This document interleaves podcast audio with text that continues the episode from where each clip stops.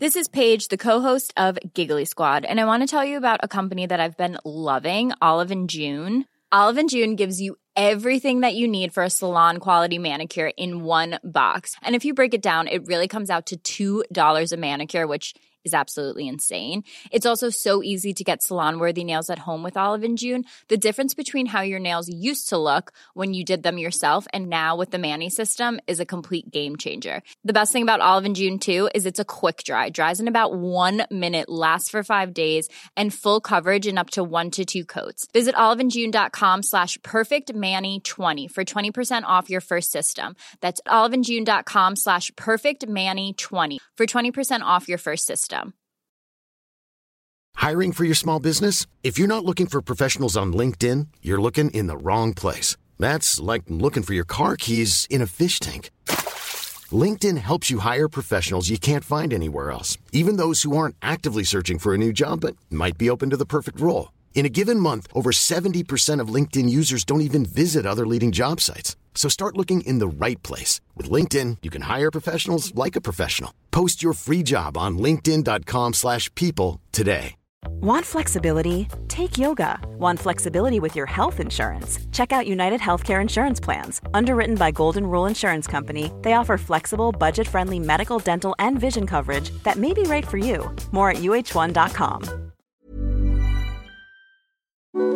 I can discuss some of the psychological aspects of the case. You've got to get a hold of yourself. Now look here, Johnson, I'm going to get to the bottom of this. I can discuss some of the psychological aspects of the case. And you're really crazy, you know that? Oh, yes, I remember that. Is this any concern of yours? Stop, stop, stop it now, I mean it. Ja, hei, det er psykolog Sondre Livre her. Diagnosen er dessverre svært alvorlig. Det viser seg at alt du tenker og føler er feil. Du må for all del ikke stole på hjernen din, den lyver. Alt du opplever er filtrert via nevroser fra ubevisste avkroker. Hvis du følger nøye med, er det en liten mulighet for at jeg kan hjelpe deg. I discuss some of the I discuss some of the I discuss some of the psychological aspects of the case. Well, I'm just losing my mind, that's all. Du må ikke tro på hjernen din. Den lyver. Vi er jo mennesker fulle av nevroser. Det som gjør oss til sjarmerende. Mandag 1. november 2021 deltok jeg på en samtale som stilte følgende spørsmål. Sykeliggjøres livet? Det var forfatter Erlend Waade som var primus motor for arrangementet i regi av organisasjonen Mental Helse og en forening som heter ROM, som står for Råd og muligheter her i Agder. I panelet satt erfaringskonsulent Monica Strandmyr og daglig leder for ROM Agder, Anne Marie Løland. På notatblokka hadde vi følgende spørsmål, og i andre del av arrangementet var det publikum i salen som stilte spørsmål. Men på vår agenda så hadde vi notert oss følgende, hva skal man si, momenter som vi ønsket å belyse i løpet av denne samtalen. Og her er da denne lista vår. Må vi slutte å kalle vanlige livsutfordringer og følelser for sykdommer? Er diagnoser, terapeuter og medisiner skadelige? Bør det psykiske helsevernet endres totalt? Hjelper det bare du får noen å snakke med? Blir vi bare svakere av å beskyttes og trygges hele tiden? Er det styrke og motstandskraft vi trenger? Er det viktigste av alt blitt smerteunngåelse, the pain avoiding society? Er behandlere eller terapeuter for mye generalister og for lite spesialister eksperter på det problemet folk har? Kan lidelse ha mening? At vi må gjennom det mørke for å få det bedre eller bli litt klokere og visere på andre siden av smerten? Så dette var altså noen, en grov skisse til det vi ønsket å belyse i denne samtalen. Og nå skal du få være med til Cinemateket i Kristiansand. Det er altså 1. november. Det er høst, snart over i vinter. Litt sånn kaldt og grått. Og det var et, ja, det var kanskje 40-50 mennesker som hadde dukket opp denne dagen for å høre oss diskutere dette med hvorvidt samfunnet sykeliggjøres. Så velkommen til en spennende samtale som tar for seg en del viktige spørsmål knytta til vår kollektive psykiske helse. Er vi egentlig på ville veier? Oh, I'm just losing my mind, that's all.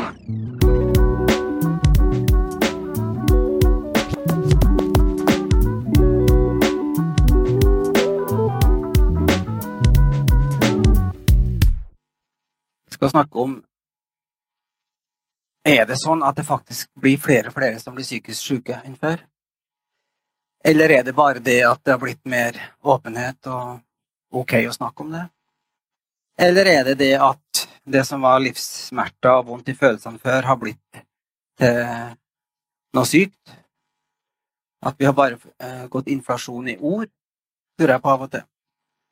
At stress Nei, at eh, travelhet har blitt stress, eller tristhet har blitt depresjon, eller bekymring har blitt angst. Overskriften i kveld er jo om vi sykeliggjør livet i psykisk helsevern og i livene våre ellers. Hva kan det komme av i tilfelle? Vi skal rette et kritisk blikk mot hjelpeapparatet. Det skal vi. Fungerer det? Får de hjelp? Får vi hjelp, vi som trenger det, i psykisk helsevern? Men vi skal ha et blikk på dem som er brukere, dem som er pasienter, dem som er pårørende. Om de må i for stor grad stoler på ekspertene og ber om medisiner eller terapi som skal fikse livsproblemer. Og vi skal se litt på kulturen vår og samfunnet vårt. Hva er det som skjer? Er vi blitt for opptatt av å bli vellykka og fikse livet? Har vi for store forhåpninger til hvordan livet skal være? Eller er vi for overbeskytta, så vi ikke tåler smellene i livet lenger? Litt sånne ting. Langs de linjene der skal samtalen dreie seg, tror jeg. Håper iallfall det. Så får vi se hvordan det blir etter hvert. Det er spennende. Eh, vi har delt opp kvelden sånn at dere skal bli litt kjent med oss fire i starten. Og vi skal samtale etter hvert om det, det temaet som jeg har nevnt. Og så sånn rundt kvart over åtte så tar vi en liten pause, kvarters tid. Da er det kaffe å få kjøpt der ute, og dere kan skrive spørsmål til oss. Vi vil veldig gjerne ha spørsmål, utfordre oss litt på det vi tenker å si. På mobil eller på lapper der borte går det an å skrive i pausen. Så tar vi en, ca. en halvtimes tid til spørsmål og svar da, fra halv ni til, til ni. Så skal vi være ferdig til klokka ni, har vi tenkt. Ja. Det er jo et uh, arrangement i kveld som er sånn fellesarrangement mellom Mental Helse her i Kristiansand og i Agder. Og Rom Agder. Og podkasten Sinnsyn av psykologen vår som er med oss. Det er sånn et samarbeid. Både Mental Helse Agder og Mental Helse Kristiansand og Rom Agder og podkasten til, til Sondre. Um, ja. Jeg presenterer Anne Marie Løland først. Hun er leder i Rom Agder. Rom, hva er det, Anne Marie? Rom det står for Råd og muligheter, og det er en frivillig organisasjon som ble stifta i 2005. Da, den gangen var det veldig aktuelt å få opp noen prosjekter som i tråd med opptrappingsplanen for psykisk helse. Så vi bruker å kalle det et regionalt brukerstyrt senter innen psykisk helse, som primært er drevet av brukerorganisasjoner. Ja. Og der jobber du? Der jobber jeg nå som daglig leder. Jeg var også den første lederen fra 2005 til 2007, og så har jeg gjort litt annet i mellomtida. Ja. Men nå er jeg tilbake. Ja. Så ved siden av meg sitter Monica Strandmyr. Du kaller deg for erfaringskonsulent. Kan du si hva det er for noe, for dem som kanskje ikke er helt sikre på hva det betyr? Det, det å være en erfaringskonsulent, det er jo at du har sjøl vært eh, en bruker av systemet. At du kanskje Det kan være mange forskjellige eh, typer, men eh, når det kommer til meg, så er det psykisk helse. Og har en historie om mange innleggelser i mitt liv. Ja, du skal få fortelle litt mer etter hvert, men uh, du bruker dine erfaringer i møte med andre som ja. i psykisk helsevern, da. Nå bruker jeg de erfaringene jeg sjøl har gjort, og, og, som jeg også har lært fra andre, mm. og bruker det i, uh, i, jobben min nå.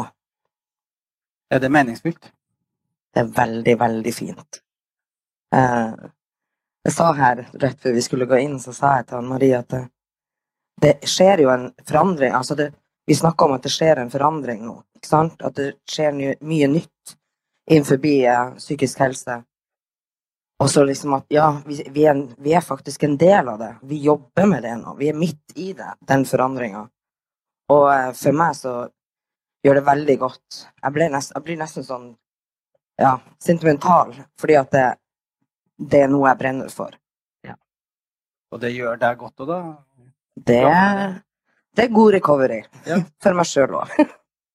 fin, fin blanding. Så sitter eh, Sondre Risholm Liverød her. Han er jo sånn sett en del av systemet. Du jobber på DPS Solvang. Kan du si hva DPS er for noe? Hva er det vitsen med DPS? Hva betyr det?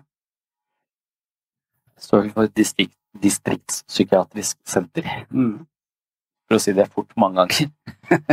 det er lettere å si Ibsens ripsbusker, tror jeg. Det, jeg, jeg, vet egentlig Det er vel en idé om at det skulle desentraliseres. At de store psykiatriske sykehusene skulle litt ut i miljøene og ikke være sånne institusjoner. Mm -hmm. Så at det blir eh, små satellitter som likevel hører under sykehuset, men eh, som eh, er lokalisert andre steder. Og hvorvidt det liksom Eh, ideen, kanskje, har jeg sans for. da. At, uh, eller jeg liker å se på det stedet jeg jobber som en slags uh, universitet for uh, psykologi. Altså, vi undersøker nye ideer om oss selv i møte med hverandre. Mm. Ikke nødvendigvis et sted hvor vi, hvor vi helbreder sykdom. For jeg ser jo i liten grad Jeg liker jo ikke å kalle psykiske vanskeligheter for sykdom. Jeg syns det, det blir for mange biologiske konnotasjoner. Og det, ja. det, det funker noen ganger, men, men, men Det kommer vi tilbake til. Allment så, så syns jeg Men så, så, liker jeg den at vi, vi, jobber Jeg jobber bare med gruppeterapi. Ja. Så, så, jeg møter mennesker hver dag som jeg opplever eh, får mening for andre. Eh, og henter mening fra, fra grupper.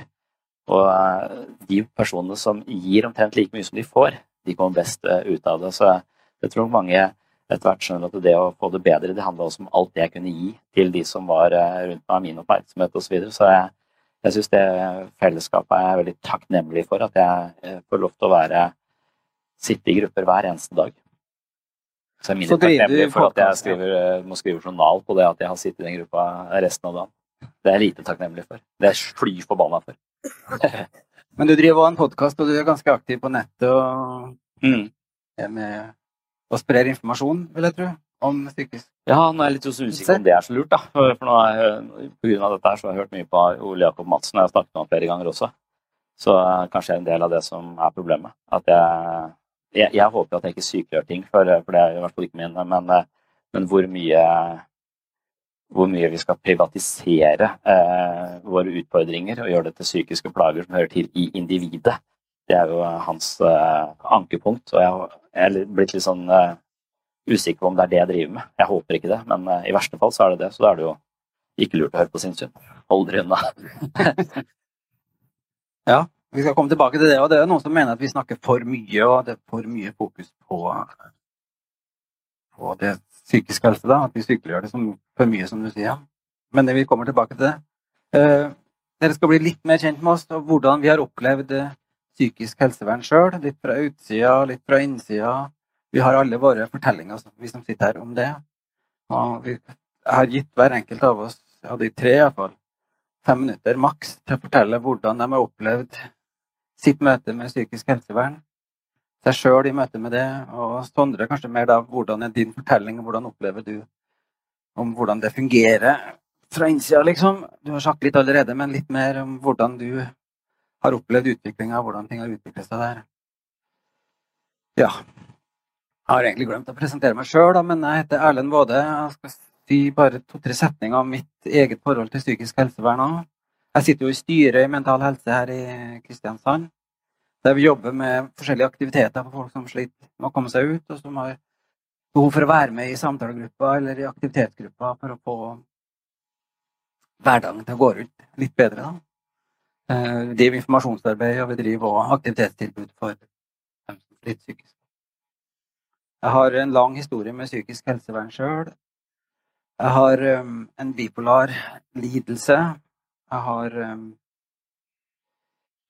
vært uh, inne i behandlingsapparatet i mange, mange år. Jeg har gått til masse terapi. Jeg har vært innlagt på DPS. Jeg har vært innlagt i, på lukka avdeling på sykehuset her på Eg. Jeg har brukt medisiner mot psykose, mot depresjon, mot mani. Eh, jeg har fått elektrosjokkbehandling. Så, og mange forskjellige typer terapi. Eh, så jeg har absolutt vært inni feltet. Men jeg skal lede samtalen i kveld, har jeg tenkt, først og fremst. Men jeg er spent på hva dere sier, og hvordan dere opplever dere, det, dere da, fra litt forskjellige vinkler. Jeg føler sjøl at jeg har fått god hjelp da, i psykisk helsevern, så vi skal ikke drive rakke ned på alt i psykisk helsevern heller, men det er noen ting som vi kan stille litt spørsmålstegn med. Og så er det sånn at jeg har måttet ta tak i mange ting i mitt eget liv og jobba mye med meg sjøl. Det er en balanse der. For meg har det vært det. for det. Og det er min lille fortelling i starten.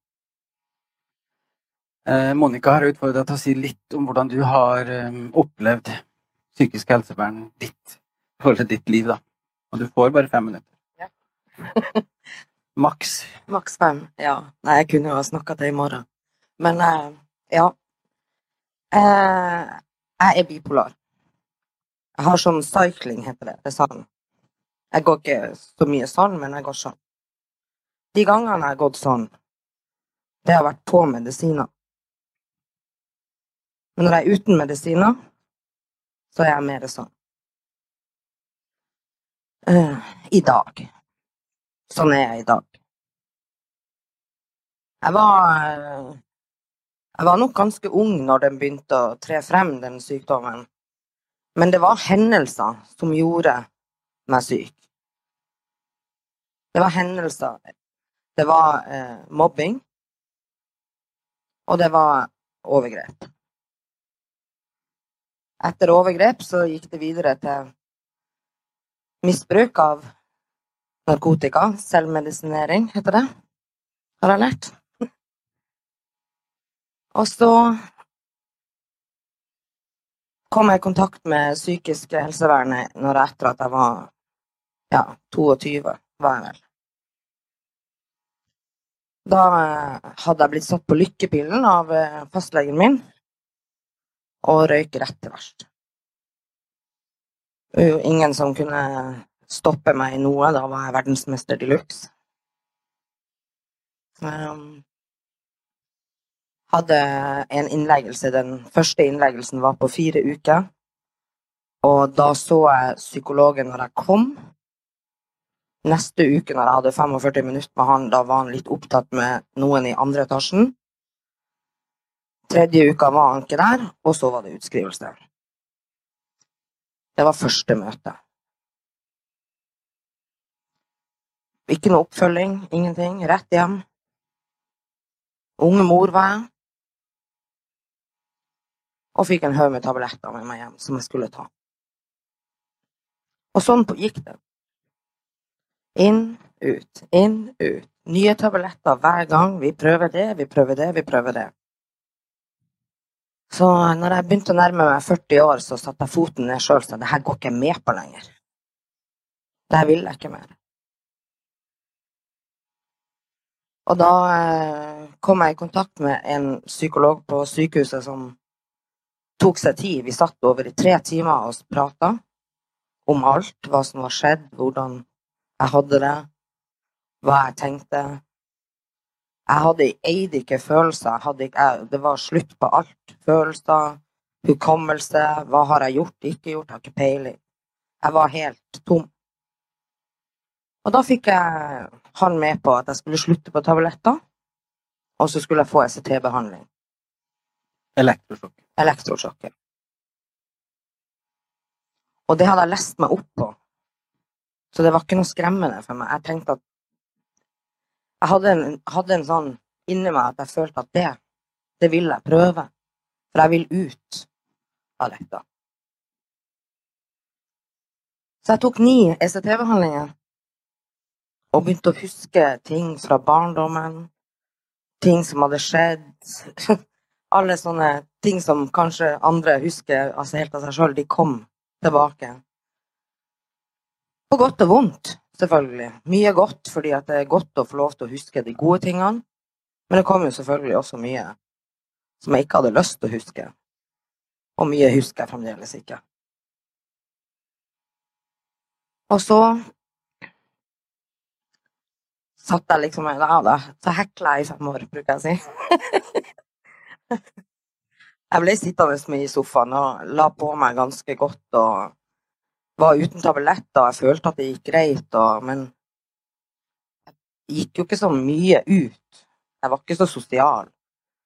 Og når du har vært syk så lenge, så er det ikke så mange venner du har fra Du beholder ikke vennene dine når du er så syk som jeg har vært. De blir sliten. Du beholder ikke familien din. De blir også sliten. Men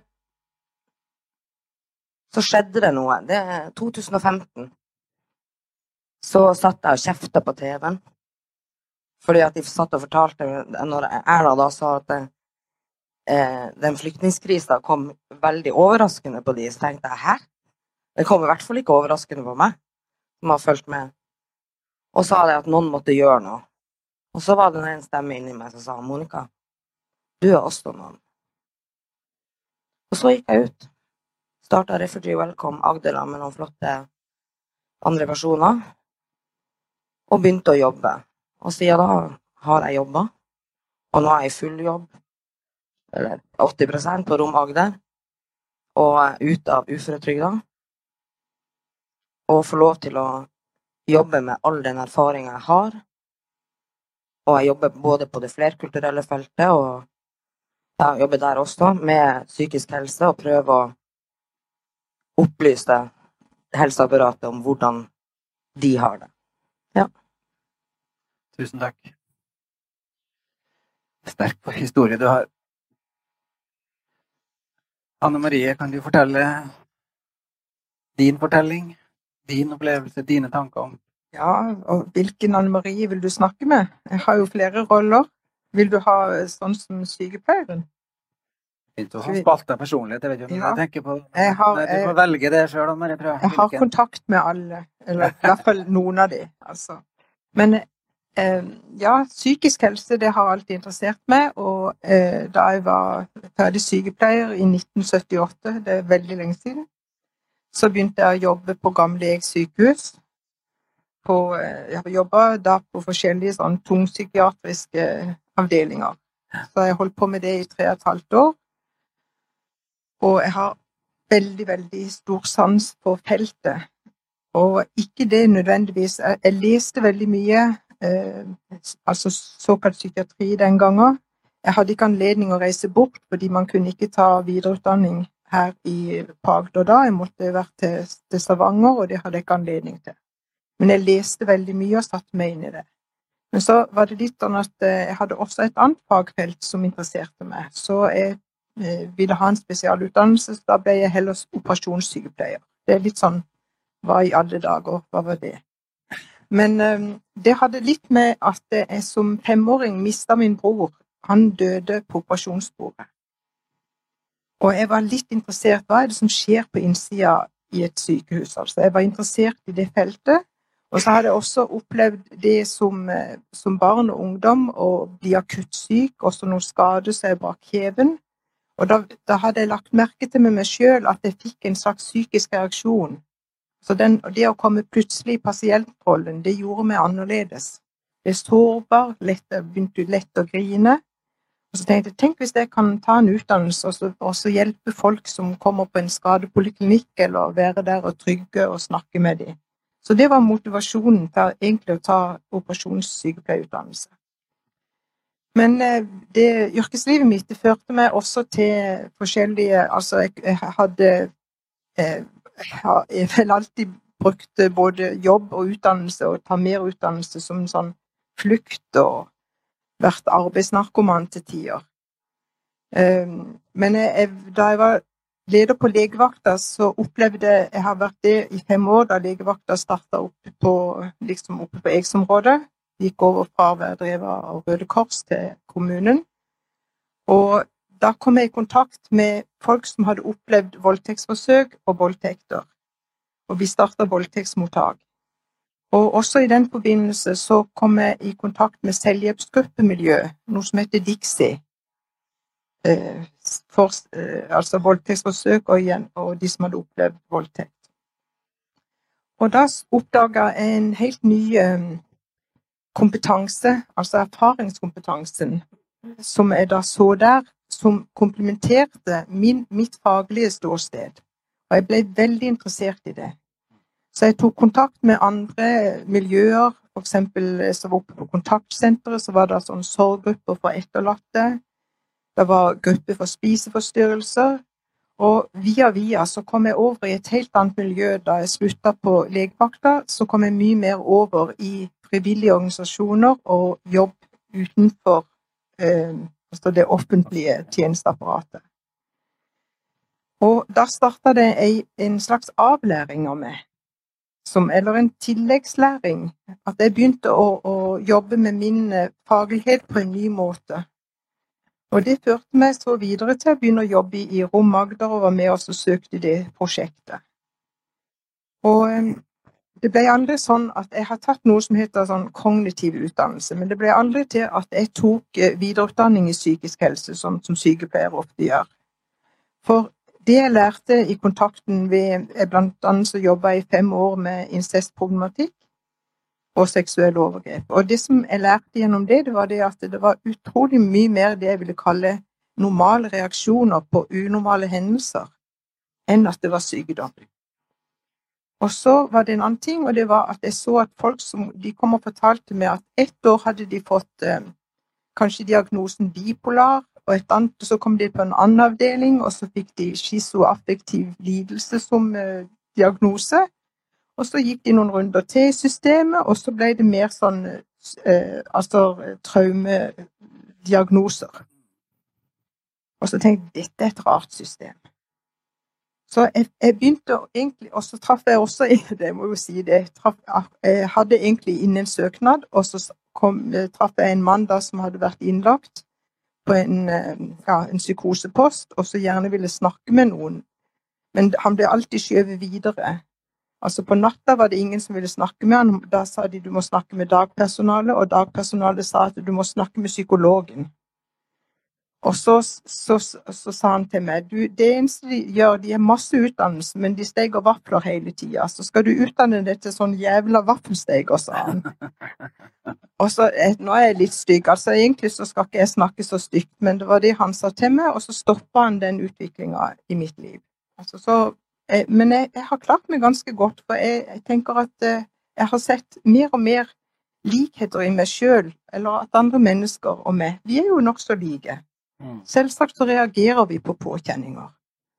Og jeg har ikke noen diagnose, men sannelig har jeg hatt masse nedturer i livet. For det å oppleve skilsmisse og det å oppleve død og store andre sånne kriser, det gjør jo at en får veldig mange dype depressive tanker. Også på en måte langvarig Mer sånn eksistensielle problemer i livet som jeg hadde holdt unna det, jeg fikk det ikke bedre før jeg hadde tatt tak i det. Så nå har du fått egentlig nok ut av meg nå. det er så bra, Anne Marie. Det er spennende å høre på deg, syns jeg. Ja, så jeg er egentlig da altså pensjonert sykepleier, men så er jeg tilbake igjen, for jeg ivrer veldig for å jobbe med å bygge fag og erfaring sammen på en ny mål. Ja. Viktig. Vi må høre litt fra Sondre òg, som eh, er mer en etablert del av det offentlige systemet. Hvordan har din fortelling vært i psykiatrien eller i psykisk helsevern? Kan du si hvordan det er å være der, eller hvordan det har vært, utviklinga har vært? Eller du velger litt sjøl hvordan du vil. Ja, ja. jeg deg. Hva jeg skal si. Nå har jeg jobba i 15 år, kanskje 16 år. Kanskje 17. Det har gått ganske fort. Jeg brukte vel ca. fem år på å bli trygg i den eh, jobben. Før det så visste jeg ikke hva jeg skulle bidra med. Jeg kunne ikke stikke vafler engang, så Eh, Jeg var veldig usikker. Eh, Jeg, vet ikke hvor lang tid det tar å bli trygg i en jobb, jeg. Jeg tror ofte det tar flere år. Men jeg tror kanskje man tenker at hvis man eh, ikke føler seg komfortabel etter ett år, så passer man ikke. Eller så er det noe galt med meg. Eller så feiler jeg noe. Det er ikke sikkert. Jeg vet ikke hva norsk standard er for å liksom føle, føle seg tilpass et sted. Men det tar lang tid, tror jeg, å bli trygg i Ja, det kommer litt an på typen jobb òg, kanskje. Ja. Jobbe med mennesker. Ja. Mm. Men eh, så er, jeg, jeg tror kanskje at eh, fra mitt eget liv så, så tror jeg det der at at eh, jeg vokste opp liksom Jeg født på slutten av 70-tallet, da, og, så, så vokste jeg eh, Jeg vet ikke hvorfor jeg har hatt den ideen av at, eh, at jeg kan liksom ikke Hvis jeg først har begynt på noe, så må jeg gjøre det. Altså, jeg, ikke, jeg har ikke Valget å, å slutte med noe har ikke vært eh, tilgjengelig for meg. Det har liksom ikke vært eh, et alternativ.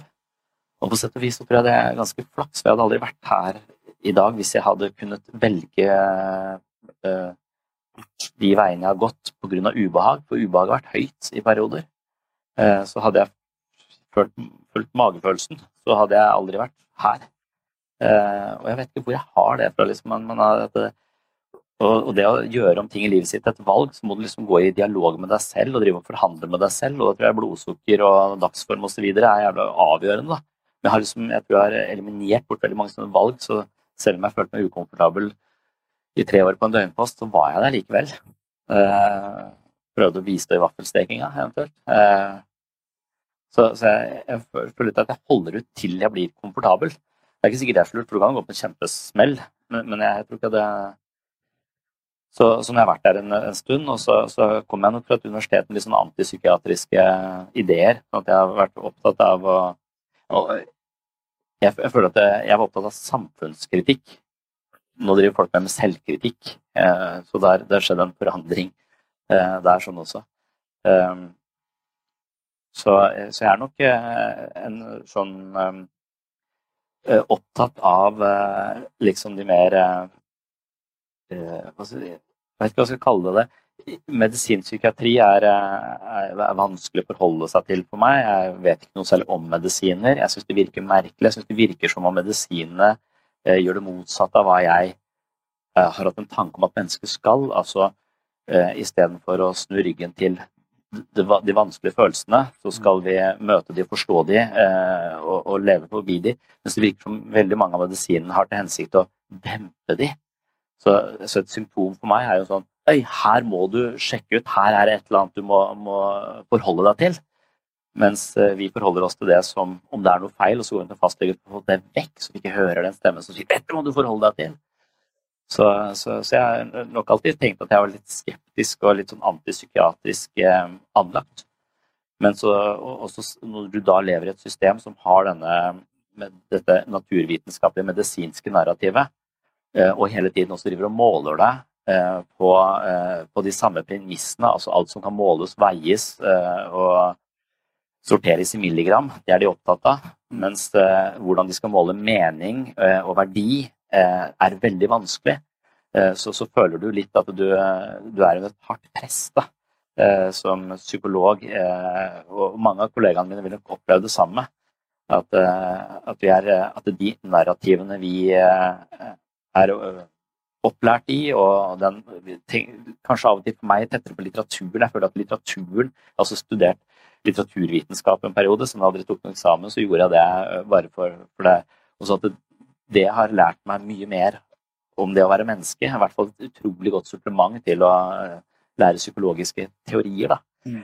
Men, eh, men det er nok eh, litt Du skal kjempe litt hardt for å, for å få rom til de innfallsvinklene i, når, så lenge psykisk helse ligger under eh, SSHF, som er, som er et sykehus. Eh, de språkspillene for meg er ganske vanskelig å forene.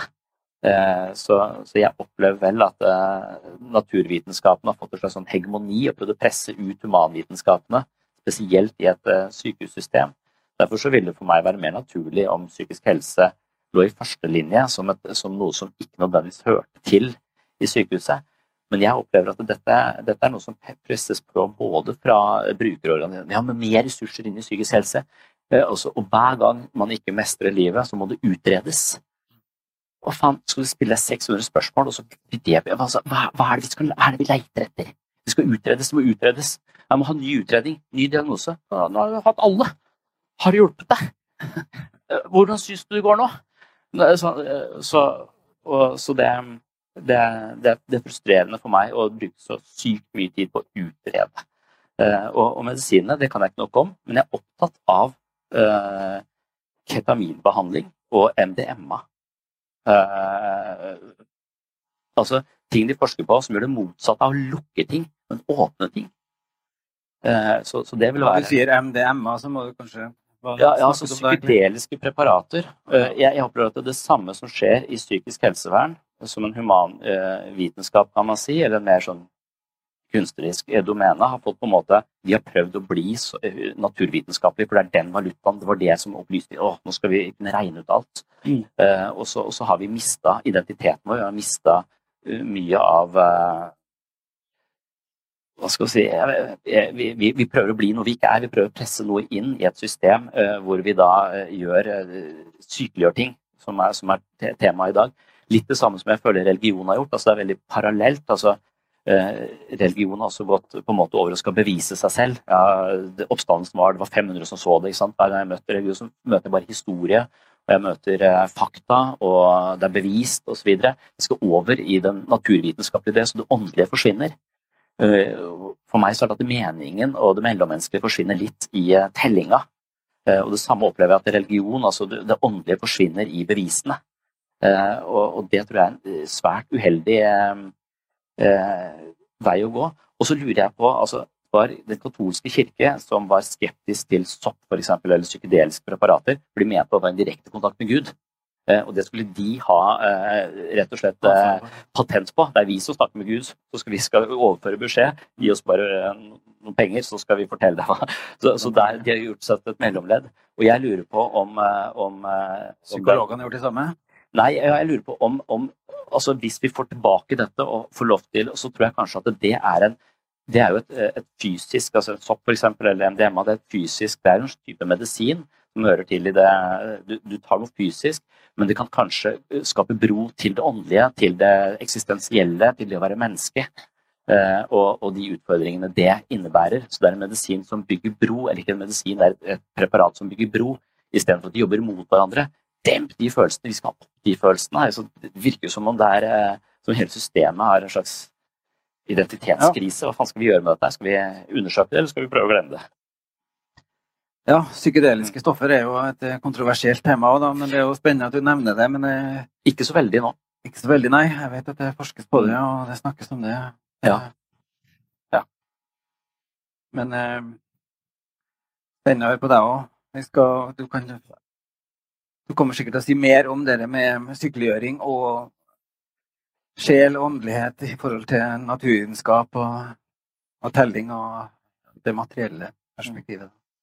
Men jeg har lyst til å bare nevne litt Det kan jo oppfattes av noen kanskje når vi snakker om om vi driver sykelig av livet, som at vi bagatelliserer eh, problemene i psykisk helsevern, eller de problemene folk sliter med. At det er bare bare vanlige livsutfordringer. Men jeg, jeg sjekka litt eh, altså Det er ganske heftige ting vi snakker om i psykisk helsevern og utviklinga.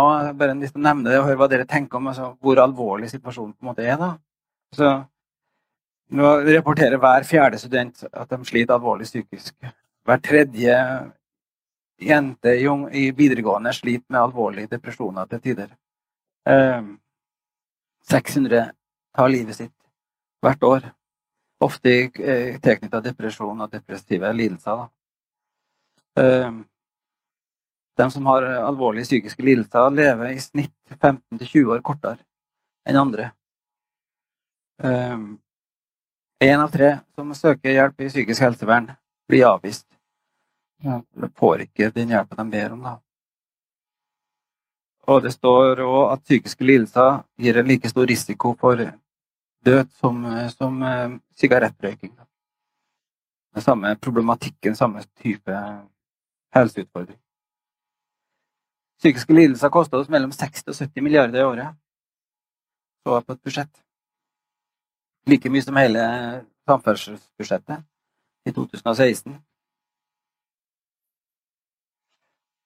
Samferdselsbudsjettet har økt med 75% på noen få år, mens psykisk helsevern økt med 2 da. 15 000 står i kø for å få psykisk helsehjelp. Det har blitt 2500 færre døgnplasser i psykisk helsevern de siste 20 årene. Befolkninga har økt med nesten en million samtidig.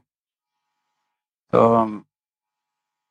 bare for å understreke at vi snakker om eh, store, store utfordringer i samfunnet vårt, og for enkeltmennesker. Det vet flere av oss ganske mye om.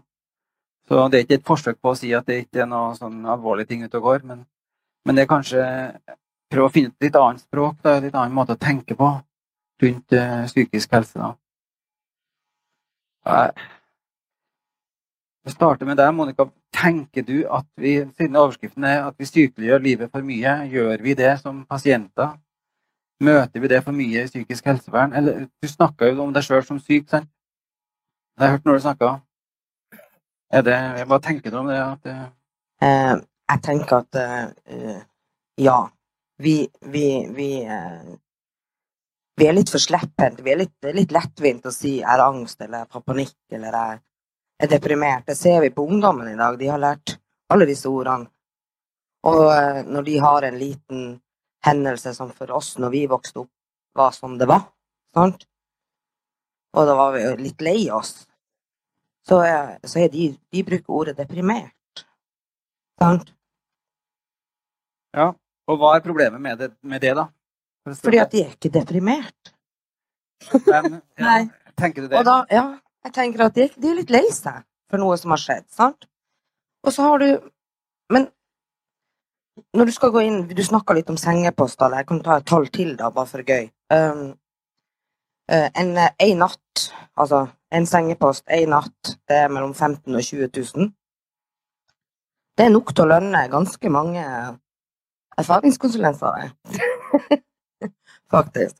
Fordi jeg tror jeg tror veldig inni meg at det alle vi trenger, alle mennesker, ikke om du er syk på den ene eller andre måten, om du er somatisk eller om du er ikke i det hele tatt, så trenger vi å kjenne på at vi har en identitet, at vi har en tilhørighet, at vi blir lytta til, at vi føler nærhet med andre mennesker. Det tror jeg ligger veldig, veldig mye god psykisk helse i akkurat det. Mm. Og eh, det ser vi jo litt nå på pandemien. Når den, når den, for noen så skapte det nærvær, bedre nærvær, og for andre så skapte det ensomhet. Disse skillene ble veldig mye tydeligere. Men jeg tror vi trenger hverandre. Og jeg tror vi trenger å tørre å si altså Når jeg spør deg hvordan går det, så, så, så faktisk mener jeg det når du sier det. Og ikke bare ja vel, ja vel. sånn. Men at man mener det, at man faktisk lytter. Mm. Sånn at man tør å si 'nei, i dag har jeg ikke noe greit', eller 'i dag har jeg det kjempebra'. Sånn. Men at vi lytter til hverandre og er nærmere hverandre. Det tror jeg kan være veldig bra. Anne Marie, hva tenker du? Sykeliggjør vi livet, vanlige ting i livet, eller er folk blitt sykere, eller er det bare et Hva skjer egentlig? Tenker du? Hva tenker du? Det, hadde jeg kunnet svare fort på det, så hadde jeg jo sikkert ja, det, jeg tror ikke det er et enkelt svar, men at uh, samfunnet er blitt mer komplisert. Og at vi uh, Altså, det henger nok litt sammen med uh, de vestlige land og i-landene, dette at vi henger oss opp i diagnoser. At vi gjerne vil ha en diagnose på ting. For det er akkurat som at da, da blir vi ja, da er det en vei å gå, eller da er det med på å definere oss og gi identitet. Så jeg, er ikke så veldig tilhenger av diagnoser. Altså jeg forstår at det kan være nødvendig for oss å beskrive et symptombilde, men jeg har mye mer sans på de som f.eks. sier at eh, de symptomene de er smerteuttrykk. Og så kunne gå bak det, og så se hva, hva ligger det i det. Mm. For å kunne få en dialog på, og også kunne begynne å regulere. Altså i mitt liv, de gangene som jeg har måttet ta fatt på ting, så er det jo altså jeg, Hvis jeg har hatt for mye tårer og depresjon, eller det en kunne kalle det, så er det et eller annet jeg må jobbe igjennom og finne ut av. Hva, hvordan henger ting sammen? Så for å komme bak det, så er det jo det jeg må stoppe opp. Jeg kan ikke bare holde på å arbeide med gjeld. Jeg må ta tid til å sette meg ned, finne folk jeg kan snakke med, og så rydde i mitt liv. Så spore det opp. Men det er jo det at det er blitt mye mer avstand på folk. En snakker ikke så mye med hverandre. Pandemien kom, og den eh, Altså Noen syntes det var herlig å ikke være ute på så mange ting, og noen syke syke sa at eh, endelig så begynner folk å forstå hvordan det er å være isolert og deprimert og ha angst, for nå er det så mange som har det. Og så ble det mer likhetsoppfatning eller sånn, at nå er vi mange i samme båt. Men den, jeg, jeg tror jo ikke Jeg tror alle menneskeliv blir utsatt for depressive ting som, vi, som det er vekstmulighet i. Men det er akkurat det der hvor mye sykeliggjøring skal vi, eller sykt stempel skal vi ha på det. Jeg tror vi, vi, går veldig feil når det er at vi går i retning av at dette er noe for spesialisthelsetjenesten. Jeg er veldig på linje her med Sondre på at mye mer skulle ha vært tatt hånd om lokalt eller i nærmiljøene. Grepet fatt i, og så styrke den tjenesten i den grad det skal en tjeneste inn i det.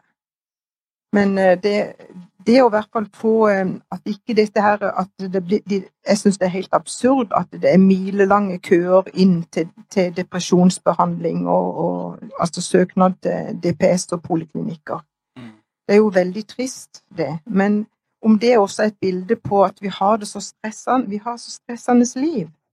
Så når det kommer en sånn pandemi som også lurer oss, eller som vi ser alvoret i livet, at det plutselig så er ikke ting sånn som det er ikke så forutsigbart lenger, og døden kan komme, så stiller det helt andre nye krav til oss. Og så er det litt at da, hvis vi da løper, ikke har noen andre steder å ventilere det enn i psykiatrien.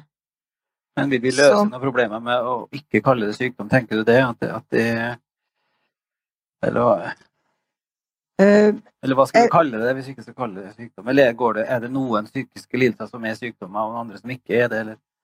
Jeg, altså jeg hører nok også til de som er mer skeptiske til psykiatrien, og tenker at det er mye legemiddelindustri som vil ha oss inn til å bruke piller mm. og sykeliggjøre oss. Mm. Men at folk strever med ting som altså Utenpå så ser en ikke at folk strever, men de kan ha dype tanker og, og vanskelige ting som bare sier poff, og så velger de vekk livet. Og det at vi får et mye mer eh, At et grunnivå kan ta hånd om det, mm.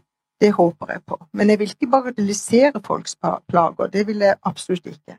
Nei, Men det er akkurat det der dere også finne en annen måte å gjøre det på og, og bli synlig på. Det tror jeg vi trenger. Men Monica, jeg kjenner igjen litt det der altså, den, den, den, gleden det var å få Ikke glede, men det, var, det ga mening å få en diagnose og lære om hva den diagnosen var. Altså, det er et behov hos hos oss som er pasienter at jeg trenger eller det å få en diagnose, få et svar, få et språk på hva det er som feiler oss. Om vi skal kalle det sykdom eller ikke, det er jeg usikker på. Ja, det var jo ikke den første diagnosen jeg fikk, det kan jeg jo si. Men eh, det er den siste jeg har, da. Jeg har ikke gravd så mye mer i det der, egentlig. Fordi at når jeg, når jeg bare fikk eh, fikk lov til å, å, å egentlig prøve å, å finne meg sjøl oppi alt dette, Mm.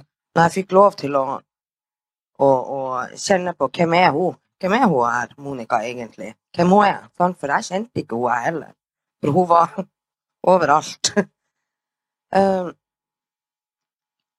så jeg, jeg, er ikke så opptatt av om jeg er bipolar eller ikke. Jeg er ikke Nei. så opptatt av det. Jeg, jeg er ikke det, det lenger.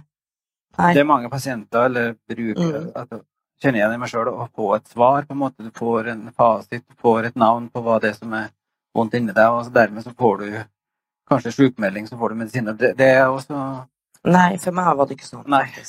Jeg tror det, det, er sånn at det, det kan være sånn, sikkert for mange, men ja. Nei, fordi at det, Jo, de første, den lille første tida, de første årene etter da, så brukte jeg vel det som en sånn unnskyldning for all skiten jeg hadde gjort. sant? Mm. At jeg var bipolar. Men nå i dag så, så, er jeg mer opptatt av å, og eh, få hver dag til å, til å være en god dag.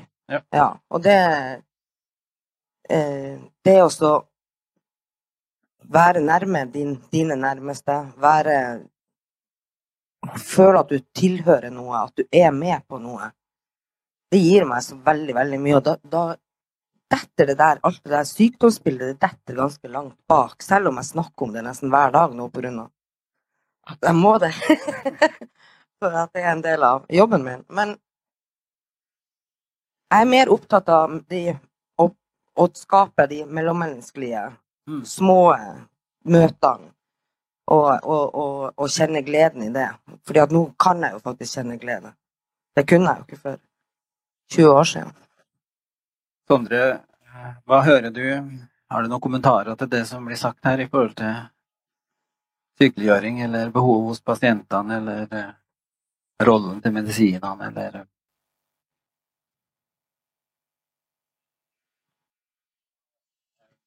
Kan jeg spørre deg forresten, hva er sykdom? Hva er en hva, hvordan definerer vi sykdom? Det vet jeg ikke, jeg er ikke lege. Nei. Men vi bruker det ganske mye. Og, ja. ja, nei, men bare fortsett med det du tenkte.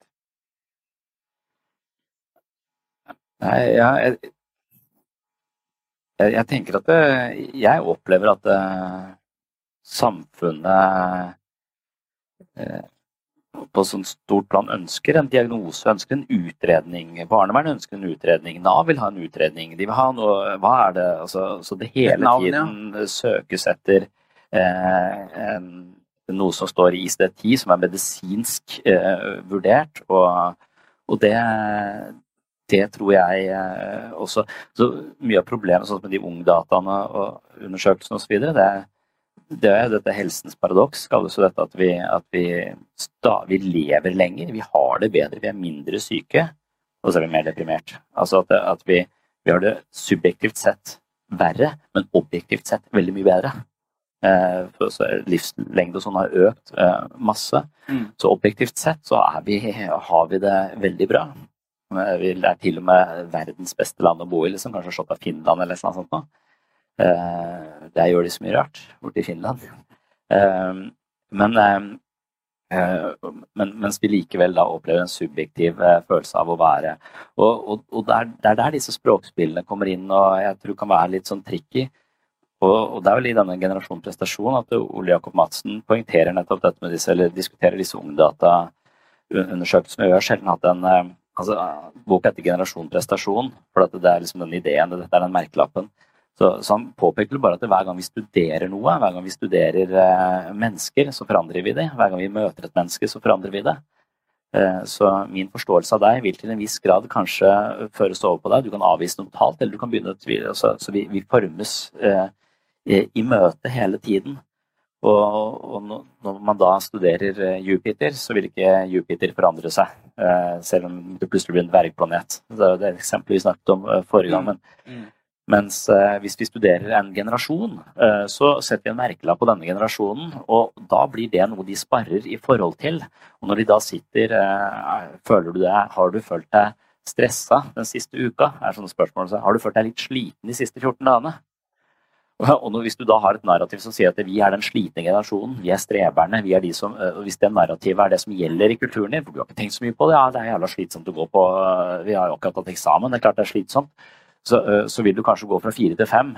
Så at du, du blir litt eh, Du identifiserer deg med de eh, ideene som kulturen har på deg.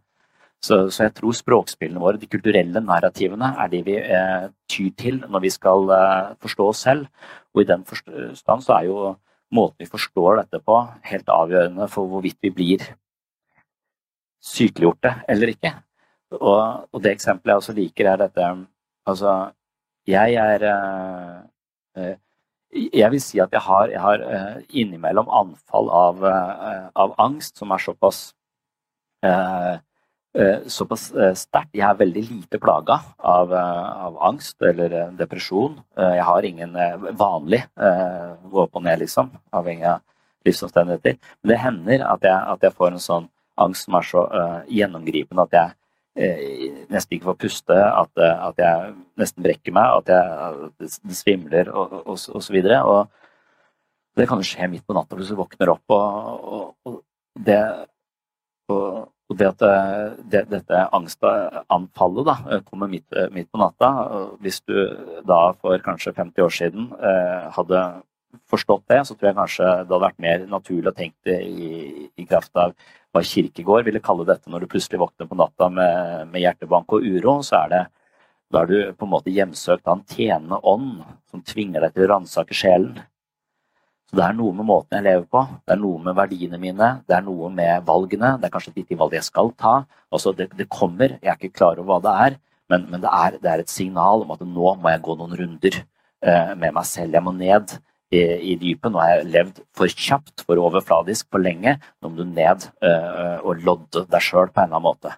Eh, og eh, det narrativet appellerer til meg. Jeg tenker at det, hmm, det er nettopp det det er. Og for meg så er det veldig ofte med med miljø å gjøre. At jeg lever jeg, en, jeg, jeg, tenker at vi ødelegger planeten, og jeg tenker at jeg er med på å gjøre det. Eh, og, det, og jeg har barn. Eh, så det er et enormt paradoks i meg. og det er en det jeg lever ikke i pakt med verdiene mine. Det er en spagat inni meg hvor jeg av og til ikke kildesorterer. Tidligere da så kastet jeg eggeskall i vanlig, eh, vanlig sånn avfall fordi det var så jævlig langt ned. Så så dårlig tid, skulle hit. Eh, og bare sånne små ting. Det er, spiller ikke noen stor rolle, men det, det, det, det, er på kompromiss med mine egne verdier. Og hvis jeg er, lever sånn for lenge, så kan dette oppstå. Så Det er et narrativ. Du kan forstå det som en tjenende ånd, eller du kan forstå det som panikkangst, gå til fastlegen og få det vekk. Og det er det narrativet som gjelder. Altså, hvis jeg får sånn, så må det være noe galt med meg. Jeg har panikkangst. Uh, og, og, det må medisineres, eventuelt få behandling og utredning i psykisk helsevern. Da tror jeg du, du, rett og slett er på en sti hvor du, eh, hvor du, ikke får noe ut av det symptomet. Det symptomet er, hvis det er en tjenende ånd, så lytt til den tjenende ånden, for den tvinger deg til å ransake sjelen din. Men det er da en ganske vond vei å gå, litt vanskelig vei å gå. Og det er lettere å gå til noen som tar vekk den jævla følelsen. Og, og det, eh, det, tror jeg at eh, vi er med på og skyldige i psykisk helsevern, nettopp fordi at dette narrativet med sykdom og sykdom assosiert til eh, en svulst. En svulst vil vi gjerne ha vekk. Mm. Det er sikkert et signal om at du har spist for mye E-stoffer og for lite brokkoli. Det kan godt hende. Eh, så du kan kanskje ta det også som et signal, men, men du vil helst ha den, ha den, vekk. Jeg tror det å tenke parallelt til psykisk helse, når du skal ha vekk disse symptomene, det tror jeg er kan skade oss ganske mye. Og jeg tror vi mangler disse litt mer livsnarrativene som vi har snakket mye om at religion kanskje, kanskje hadde. Også dette med å spare med litt høyere mening enn bare meg og mitt, og min selvutvikling og øh, hvordan jeg skal forbedre meg og, hele tiden være på vei til noe annet enn det som er her. Altså Den ideen også, istedenfor å tenke at jeg skal gjøre noe meningsfullt i et større, uh, større perspektiv, som jeg føler er det du øh, redda deg. Ikke medisiner, utredninger eller elektrosjokk, men følelsen av å være meningsfullt til stede i et fellesskap hvor du kunne bidra og få noe. Og da skal vi ikke pumpe mer penger inn i psykisk helsevern. Skal vi vel? Nei. Jeg bare skal kommentere det når du, når du mm. får angst av uh, forbrukersamfunnet eller at du ødelegger planeten. Gjør, altså, det, er jo, det er ikke noen enkel løsning på det heller. Du kan jo sortere litt mer, kanskje, men, men eh, hva er løsningen på den, den angsten eller det problemet? Du, du gir jo ansvaret til til deg sjøl, for at du får psykiske lidelser, da, hvis vi kaller det det. Ja, så, så jeg er nok litt der på at jeg, på at jeg tenker at dette er eh, og, og, da spør når hun jeg bor så spør vil du snakke om det, og jeg vil absolutt ikke snakke om det. Jeg vil ikke, da er jeg der som jeg, jeg, jeg vil ikke at du skal uh, kjenne på den følelsen av meningsløshet jeg føler uh, i, i, de korte, korte Det er ikke så ofte i de korte periodene. Uh, men, uh, men, men, jeg tror nok at det er litt sånn memento mori-aktig. At det er bare sånn at hvis jeg ikke tenker på at jeg skal dø, at jeg er dødelig, og at dette er sårbart for lenge, så kommer det som et voldsomt trykk i brystet som, som virkelig bare tar kvelertak på meg fordi jeg har forsømt det over for lang tid. For jeg tror nok at jeg må, må langsomt nærme meg de underveis og kan snakke om det litt eh, nå og da. Men ha en arena for de samtalene. Ha en arena for den, den eh, de eksistensielle sidene ved det å være menneske, og hvor jævlig vanskelig det er å være menneske, og hvordan det er det som gjør livet meningsfullt. Hvis det hadde vært lett, så hadde det ikke vært noe gøy. Nei, jeg bare hører at vi må kanskje, du må kanskje leve annerledes òg, da. At det er jo et, et svar her, da, i, i forhold til et samfunn som kanskje er med å skape angst, eller skape lidelser. Og det kan være krevende.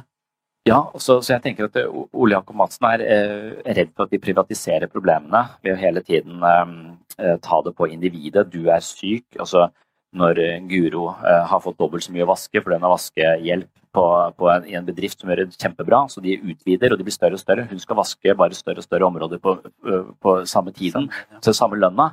Og så blir hun ganske sliten og stressa, og det hun får, er mindfulness for å lære å stresse ned. Eh, så det å forbedre, det å hele tiden legge problemet i enkeltindividet, det, det syns jeg er eh, det, det er jeg med på. Men jeg opplever at, eh, at psykisk helse og livsmestring eller hva det skal være, det må være å oppdage alle de narrativene som, som kanskje gjelder litt, men ikke gjelder fullt så mye. Du må ha flere narrativer tilgjengelig for å, for å kunne flere, flere inn, flere ideer om hva dette symptomet kan være, og hvordan, hva kan jeg gjøre med det symptomet. Faren med de medisinske narrativene er at de låser deg fast til at jeg kan ikke gjøre noe, jeg må bare få medisiner. Altså ADHD, for eksempel, altså det høres ut som noe som er gærent med hjernen din, og at du må få medisiner for Ritalin for å konsentrere deg. Hva med å trene opp konsentrasjonsevnen din? Jeg hadde sykt god konsentrasjonsevne. Fikk jeg mobiltelefon for eh, ti år siden. Totalt fucked up. Klarer ikke å konsentrere meg mer enn i fem minutter. Altså, De der YouTube- eller sånne filmer på, på, TikTok Før så var det 14 sekunder folk klarte å følge med. Nå har det gått etter åtte. Altså, og halvparten av alle henvisningene opp til uh, politikken er jo folk som ikke klarer å konsentrere seg. Og det er av og til henvisninger som er sånn Klarer ikke å konsentrere seg om kjedelige ting. Nei. Men spørsmålet Sondre, kan, kan, kan, psykisk helsevern hjelpe oss med det? Altså, eh, kan kan psykisk helsevern gjøre noe med det skiftet som du snakker om nå? Det må være samfunnet eller hver enkelt som må begynne Kanskje jeg rasjonaliserer dette, men jeg er en av de som avviser en av tre, ikke sant? Ja, og det gjør jeg på tynt grunnlag. Jeg vet ikke hvem som er bak disse henvisningene fra, fra fastlegen. Men på et eller annet tidspunkt så føler jeg også at det er et slags samfunnsansvar å ikke utrede halve befolkningen for ADHD og gi dem Ritalin. Eh, jeg, jeg, tror at, at det eh, er noe jeg eh, kan stå inne for. Eh, og at jeg avviser så langt det lar seg gjøre. Eh, jeg bøyer meg baklengs for å klare å avvise eh, denne pandemien som, som jeg tror altså Diagnostiserer du individet med ADHD, eller diagnostiserer du samfunnet, samfunnet, vårt med at vi plutselig har fått en anordning som tar syv timer om dagen? Uh, altså, det gjør noe med hodet vårt. Altså, når vi gikk fra, fra uh, å måtte huske historier fordi vi ikke kunne skrive de ned, for vi hadde ikke papir og penn eller skriftspråk. Så måtte vi huske de. Og så plutselig så, så får vi papir og penn og kan skrive dem ned, så tar den delen av hjernen som husker ting, og langsomt går over til å begynne å avkode symboler isteden. Så hjernen forandrer seg fordi vi får noe som virkelig gjør omveltninger i måten vi lever på. Og telefonen må virkelig være noe som virkelig gjør noe med hele systemet vårt. Mm. Og, vi, og, jeg litt, lurer litt på om vi kaller det ADHD det også. Og da, da er vi eh, ille ute. Men jeg tenker jo på dem som blir avvist, da, som søker hjelp, og som håper hjelp, og endelig håper som kommer inn og som, som avvises. Hva, hvor blir det av dem? da? Hva, hva skjer med dem? Er ikke det òg et uh, Å avvise folk er jo et ansvar, ikke det? For et, et system? Ja, det er, eh, da håper man jo at, at, det, at, det, finnes fellesskaper av den typen du snakker om, i, i det kommunale. Og, håper, ja. Ja, jeg, jeg, vet jo ikke, jeg jobber jo ikke i det, i det kommunale, men det er jo sånn eh, eh, Altså eh, Meld deg inn i Røde Kors. eller sånn. Hvis du greier at det, Veldig mange sitter jo eh, hjemme, har få relasjoner, og så, og så, de, og så får de depresjon. Mm. Ja.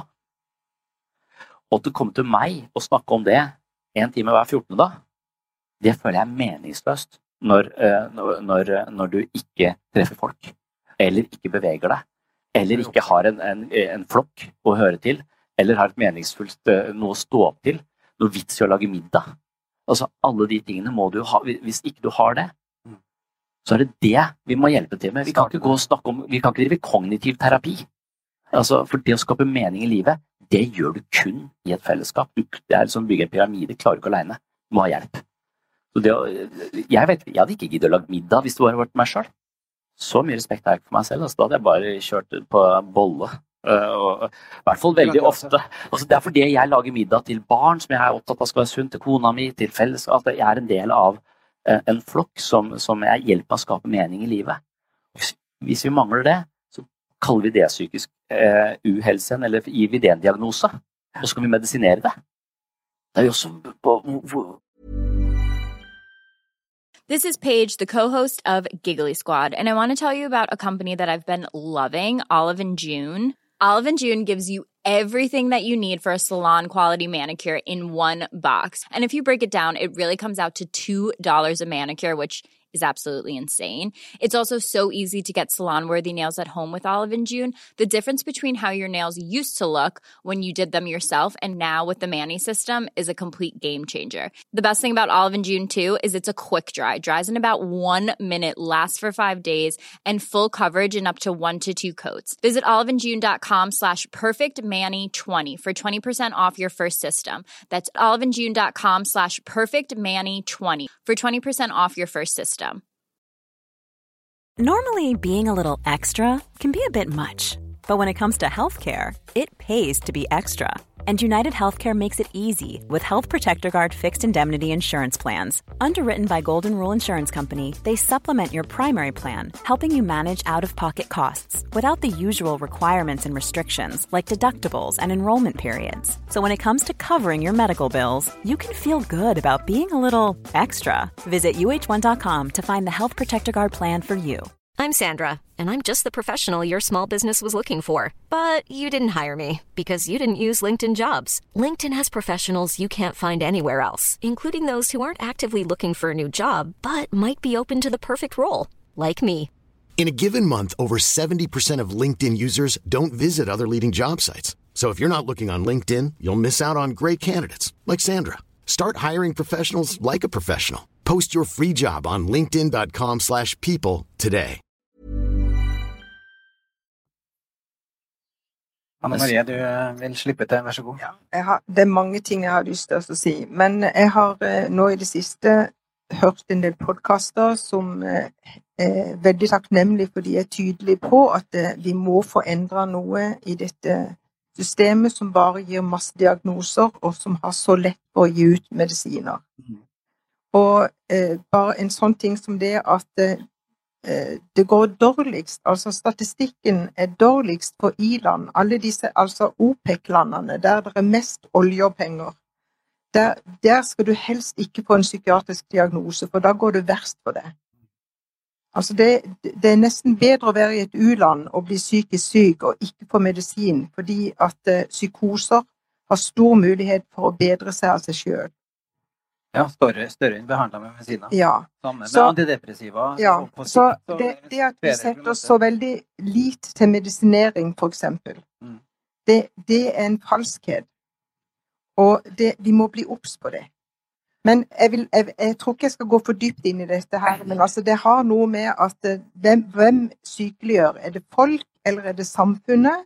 Eller er det noen Helsevesenet. helsevesenet, eller er det også legemiddelindustrien? Mm. Så det er litt det at vi må være obs og se hvor det kommer fra. Og også en sånn myte om at eh, om du får en psykose, så må du ha medisiner, for ellers så skades hjernen. Det er det heller ikke noe forskning som dekker. Men det er en myte. Så det er litt det at det er, i, i mitt liv, 40 år som sykepleier, så jeg tror jeg har sett mer skade av medisiner enn av hjelp av dem. Jeg skal ikke si at ikke folk får hjelp i en akutt situasjon, og at folk trenger å få sove når de har vært uten søvn i noen døgn. Selvsagt så er det godt å ha medisiner. Men å gå lang, lang tid på disse tøffe stoffene, det er nedbrytende. Og, og jeg tenker det å gi ungdom masse medisin når ikke hjernen er forma de, de vet ikke hvem de er, og så skal de begynne å få en kjemisk hjerne som Hva er egentlig de sjøl? Og hva er den fabrikken eller denne kjemien som medisinene gjør? Så jeg jeg er skeptisk, skeptisk til dette, men jeg er jo utrolig glad for å ha kommet inn på en annen linje i det gjør, det arbeidet jeg gjør ute i kommune. Mm. Og det er mye mer det at vi, vi, eh, vi må legge opp arenaer som forskjellige nivåer. Altså det å kunne møte hverandre eh, til lave, lavterskelsamtaler, og også til å få kommunal hjelp, sånn som de planlegger i Kristiansand kommune, f.eks. innunder Recovery College. Det å ikke ha pasientstatus, men kunne gå på kurs og lære om forskjellige ting, møte andre. Altså Kurs i seg sjøl tenker jeg det har kanskje liten verdi, men det å møte andre i et fellesskap, Mm. kunne reflektere Sånn at det, det, i, da, i det miljøet så framkaller du også ting. Og det har jeg veldig tro på. Så jeg skulle ønske at vi virkelig brukte mye krefter nå framover på den omlegginga. Og at ikke bare recovery-tenkninga blir en ideologi, at det er en ideologi, men at vi får det ned i praksis. Med at eh, vi blir eh, god, altså, nysgjerrige, hvordan ting henger sammen i livene våre. At det kan bygge vår identitet. At samværet beholder på seg, eller oppmerksomheten på oss sjøl på en god måte, og samvær med andre kan gi mer håp. Så er det disse elementene som er inn, og som gjør at du finner mer mening. Til og med det som var det verste i livet ditt, kan du etter hvert se på som åh, det var egentlig godt at noe hendte så jeg fikk snudd, og så kan jeg bruke det til en ressurs. Det er min erfaring fra å ha jobba med veldig store traumer hos folk. Altså, de sier at det verste som hendte i livet mitt, når jeg fikk bearbeide, så kunne jeg ta det fram og bruke det som en ressurs. Så det, det er der vi må komme og, og Ja. Jeg tror ikke jeg trenger å si mer. Fint. Hva var det? Ja, etter den det. Monica, har du noe å føye til på det samme? Ja, altså, jeg, jeg er jo ikke noe utdanna medisinsk i det hele tatt, så jeg er jo litt forsiktig med å uttale meg om om medisiner virker eller ikke. Men jeg, jeg hun har jo venner som, som har medisiner, og som jeg ser det funker for dem. Sant? Så det er ikke sånn, jeg er ikke imot medisiner, men jeg er for, for mye bruk av det. Ja, det er jeg imot. Men Ja. jeg, jeg er jo ikke noe Jeg har ikke noe utdannelse i dette. Så det vet jeg. Kan ikke si Nei, men det er interessant. Det er, så, med, er det politikerne vi skal utfordre mer, eller er det brukerorganisasjonene, eller er det Hvor kan eventuelt et skifte, eller Skal vi legge ned psykisk helsevern? Medisinbruk? Hva er løsningen? Vi ser om det er noe lyd i den enda. Ja, den er visst nokså snill. Men eh, altså, jeg representerer også en brukerorganisasjon, for jeg har vært medlem i Mental Helse i mange år. Mm. Jeg er ikke der at vi alltid bare skal spørre etter mer penger og mer sengeplasser og alt, altså mer penger inn i psykiatrien. Altså, vi har masse, vi kunne bare bruke det på en ny måte. Men ha respekt for hverandre og eh, det også å støtte ned i lokalmiljøet, sånn at frivillige organisasjoner kan få driftsforhold eller driftsvilkår til også gjøre en kvalitetsjobb. Det er kjempeviktig. Men det er ikke alltid det er så mye samhandling med, med grasrota i frivillige organisasjoner og sentrale leddet som gjerne uttaler seg. Nei. Så det er litt sånn at eh, vi kan stå for forskjellige ting i en organisasjon. Og akkurat som fag så er det jo utrolig mange brukerperspektiv. Mange fagperspektiv og mange brukervinkler å se ting fra. Sondre, da tror du psykisk helsevern kan endre seg i den retningen som du snakker om, mot mer sjel eller eh, mot eh, en annen måte å tenke på? Eller er det, for meg virker det som hele det psykiske helsevernet er så svært at det, det er veldig mer som jeg jobber i skolen, og det, å snu en hel sånn tenkning og et system er nesten eh, Ikke for å være depressiv, da, men det virker ganske svært, ja. Vanskelig. Ja. Og det, ja, det er jo hele samfunnet som tenker på sånn måte. Veldig mye. Ja. Så ville sikkert mange psykologer også blitt veldig sånn Altså, de, de, de Psykologien prøver jo liksom å være så evidensbasert som mulig, og spille på de samme idealene. At Mm. dette er eh, bevist effekt, på en måte, i randomiserte studier. At det, det er det, ofte det narrativet som fortsatt eh, vi, vi strever etter, for det er liksom det som har høyest valuta. Mm. Eh, Og dermed så går vi nok Men det er nok mange, mange psykologer som ikke Som også vil, eh, vil tenke at det, her er det helt andre språkspill og, og måter å tenke på som, som bør gjøre seg gjeldende. Men det er vanskelig å journalføre. Eh, på sett og vis. Eller det, det, får litt lite spillerom. Og, og, når man snakker om det, så høres det som et superalternativ ut. Sånn at det, det Ja. Jeg vet ikke hva som kan gjøres med, med, med systemet. Det, noen sier at det er en forskjell på psykiske plager og psykiske lidelser. Jeg vet ikke. Altså Gradsforskjeller, eh, muligens. Men, men, jeg liker ikke sånn altså, et, En ting som fanger oss, er traumer. Ordet traumer. Det har også blitt en sånn eh, enormt mye vind i seilene i det siste. Traumer.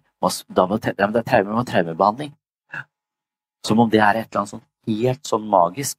Med noen sånne finger som flytter seg, og MDR noe lys og noe greier. Så du kan flytte minnene på plass i hjernen, sånn at det ikke ligger Så, så, så hva uh, Når det skjer dramatiske ting i livet ditt. Er det dramatisk eller traumatisk? Det er også en sånn, og, og kan de virkelig voldsomme livshendelsene eh, få deg inn på et helt nytt spor? Hadde du ikke kommet helt på kanten der sånn, så hadde du aldri kommet inn på dette sporet. altså At man kan tenke på erfaringene sine som eh, noe man kan ta lærdom av, og ikke noe som man har hele tiden tar skade av. For det, det, det traumefeltet har gitt altså at det, alt er traumer. Jeg hører unge mennesker snakke om triggere trigger. Det er også sånn, det kan ta rett ut av traumepsykologien. Og det å bruke det som en sånn eh, Det, det syns jeg også, også, er med på å sykeliggjøre. Og så bo, fange bordet litt. Altså, her, har, her, kan vi ikke i kommunen her, kan vi ikke, her må det traumebehandling til. Det er ikke prøvd traumebehandling. Da må det, også, uh, og det også gjør meg sånn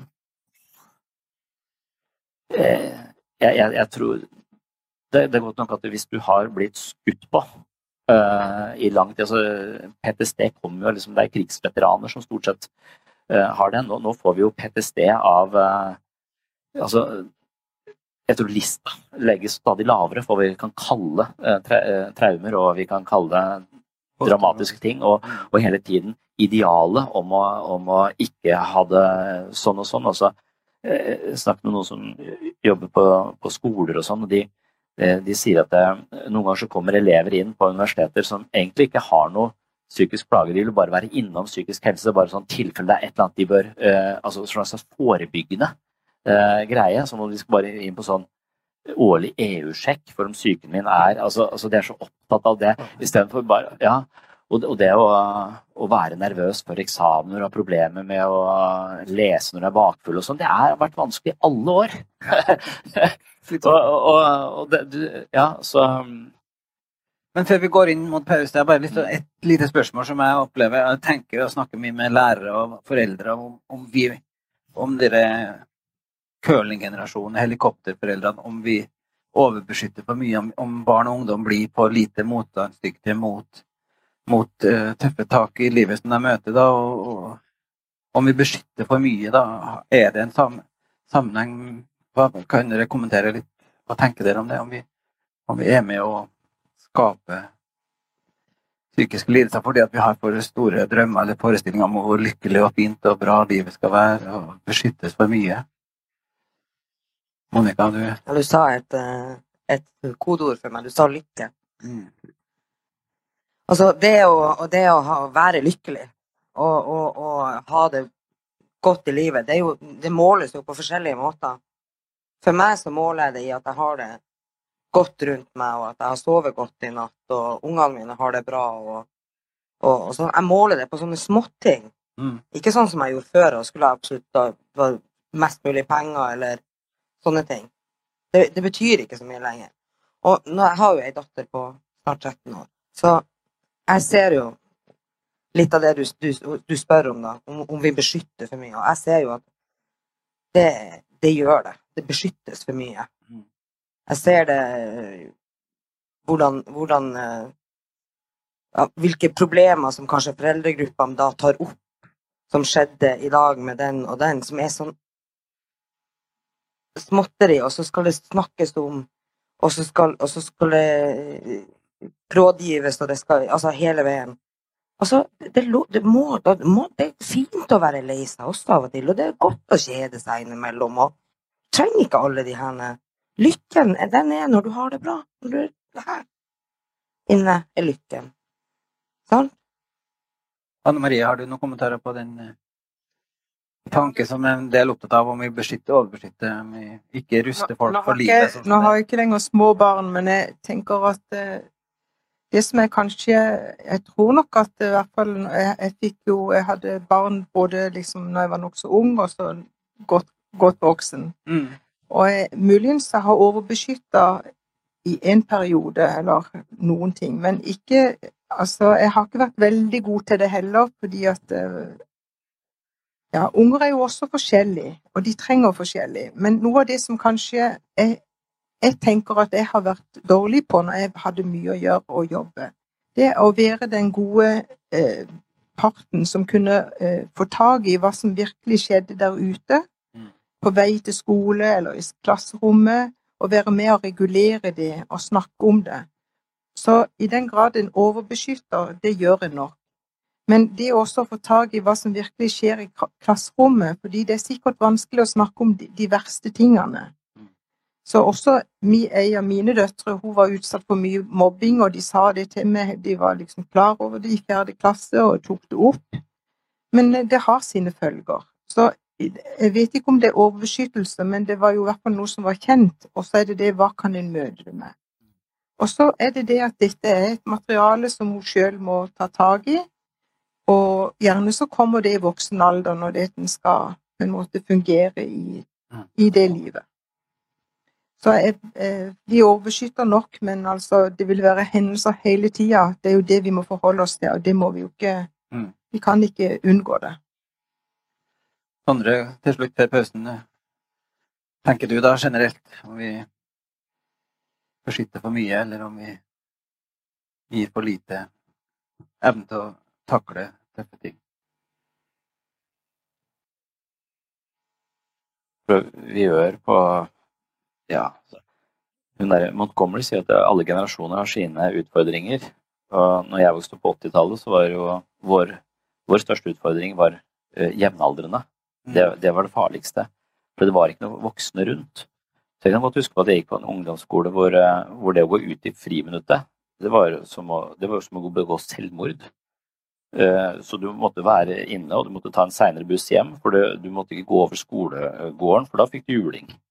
Eh, Så det var liksom Det var ingen lærer i, i gul vest ute da, men det var liksom litt sånn, sånn det var. Så, så for oss så var, eh, var medelever det farligste. Og så har det blitt korrigert for. Så får hver generasjon sine, sine utfordringer. Og, og det kan nok hende at vi nå har veldig høye ambisjoner på barna våres vegne, og at vi eh, ja, er veldig opptatt av å snakke sammen som foreldre. Jeg syns vi snakker veldig mye sammen. Det er så fint at foreldre kan snakke sammen. Jeg er usikker på eh, skal, Det kan bli for mye, for mye også. At man, eh, men, men denne forsiktighetskulturen og denne kulturen hvor vi skal unngå feil igjen at det er, det er noe der at eh, Sykehuset syns jeg har det samme, samme systemet. altså Hver gang det skjer en eller annen feil i sykehuset, så lager de en ny prosedyre som sørger for at alle skal bruke tid på å sjekke akkurat det, så ikke den feilen eh, kommer igjen. Og til slutt så driver vi ikke med annet enn å sørge for at vi ikke kommer til å begå noen feil, men da har vi bare ikke mer tid til å gjøre jobben, jobben vår. Og jeg skulle høre en sudoarbeid hvor jeg intervjuet en lege i Danmark som, som sa at nå eh, har det vært en fallulykke på sykehuset her. Det var en som tryna. Så nå skal vi utrede alle for balanse når de kommer inn på kontoret.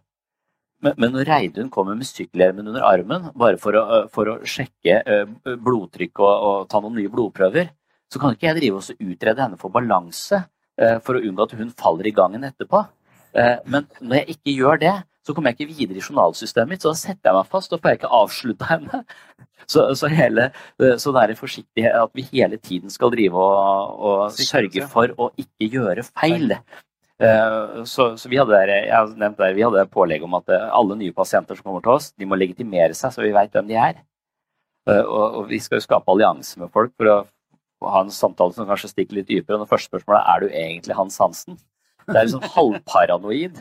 Eh, og, og spør kan, har, du, har du ikke legitimasjon. eh, og det, det, det virker litt sånn eh, Og jeg har sagt at hvis du sitter i gruppeterapi et eh, halvt år under falskt navn, så er du på rett sted. Altså, da, da er du ja, da, da er du Så, så, jeg føler vi får veldig mange prosedyrer som tydeligvis er utarbeida på et høyt nivå i systemet for å sørge for at vi ikke begår de feilene på nytt. Og hvis vi hele tiden skal sikre oss mot feil, så tror jeg vi blir, vi blir veldig nervøse for å gjøre feil. Samtidig som vi tror kanskje vi blir dårlige på å takle feil. Mm. Eller, eller, eller, hva skal vi si, ulykker. Mm. Istedenfor å prøve å sørge for å lage nye prosedyrer hver gang det kommer, gjør en ulykke. Vi må lære denne ulykken. Vi må prøve å, prøve å, å takle den på best mulig måte. Så, så, når en politiker får det spørsmålet hva har du tenkt å gjøre med denne krisen i ingenting? Eh, shit happens, og det må vi eh, sørge for. For hvis vi skal prøve å unngå at noe shit happens, så får ikke de folka gjort noe annet enn å unngå å gjøre feil. Og de er nødt til å gjøre jobben sin nå. Eh, så, så, politikere som sier 'jeg har ikke tenkt å gjøre en dritt med det', Jeg bare tenkt at det skulle Det, det syns jeg har vært interessant å, å, se, men det er det ingen politikere som gjør. Det tør de ikke, nei. Men da tror jeg det passer å runde av og ta en liten pause da, når vi snakka lenge her. Eh, at det er lov å gjøre feil. Viktig å gjøre feil, sier jeg til mine elever òg. Du lærer av det når du snakker feil òg. Fantastisk bra utgangspunkt. Ta det første spørsmålet her, da. Hvilken hjelp trenger man hvis man har tvangstanker? Det må være en psykolog. Eh, ja, for, jeg står nok i fare for å være den som trivialiserer eh, psykisk helse, ikke sant? Eh, Ut ifra sånn som jeg snakker om det. Men det er nok fordi jeg, jeg, jeg, vil nok ikke gi psykologien noe hegemoni i forståelsen av mennesket. Altså at det operativsystemet vårt, måten vi tenker på, kommer av tilbakemeldingene våre, hvem som har tatt vare på oss, hva slags uh, omsorgsvilkår vi har hatt, mobbing, mm. alle disse tingene. Det skaper jo selvforståelsen vår. Og mye mobbing skaper jo ofte en negativ selvforståelse. Og det, det, kan jo føre deg rett inn i et ganske dystert liv. Da må psykologien kanskje ha en viktig oppgave å prøve å spare med deg i forhold til måten du tenker på. Mm. Og så vil det også påvirke biologien din, sånn at du, du har en, eh, en, hjerne. Og det kan godt være medisiner eh, trengs for å få sove, som du nevnte, og, og, sånn. Og det kan godt være det er samfunnsperspektiver som blåser noen vinder i disse kulturelle seila, som gjør at vi identifiserer oss eller legger cutoffen for hva vi anser som sykt, eller for lavt, og da blir vi plutselig syke, som vi før ikke kanskje hadde vært syke. Når det å være sjenert blir til angst osv. Så, videre. så jeg tror vi må ha så mange eh, altså si, ideer i hodet samtidig når vi skal forstå vår egen, eh, våre egne utfordringer. Og, og tvangstanker er nok, er nok, en sånn type det som hører altså Jeg mener det er flere kvadranter. Vi må flere både humanvitenskap, samfunnsvitenskap, naturvitenskap. Ulike metoder, ulike forståelser av mennesket. Ulike briller å ha på seg når du ser på et menneske, hvordan du forstår utfordringene. Og når det gjelder tvangstanker, så, så tenker jeg at der er det nok en en overvektig overvekt at da bør en form for eksponeringsterapi eh, være eh, Den er ganske god dokumentasjon på at det der ganske, Den er ganske tungt i veiene i forståelsen av tvangstanker. Mm. Hvordan du forstår tvangstankene, som for eksempel Altså, barn har jo mange tvangs... Det er vanlig hos barn å ha tvangstanker fordi det er en slags buffer mot å føle seg hjelpeløs og maktesløs, og den eksistensielle frykten. Sånn at du kommer inn i et en enorm verden hvor du langsomt også får en slags dødsbevissthet. Eh, og du skjønner at det er en ende på dette her, det kan være farlig, og alt dette masse jeg ikke kan kontrollere, da. Mm. Så vil man jo kunne skape seg noen sånne mønster hvor jeg kan ikke egentlig styre denne verden. Jeg har lite makt i en så stort system, men jeg kan forestille meg at hvis jeg går på de hvite feltene, så dør ikke mamma.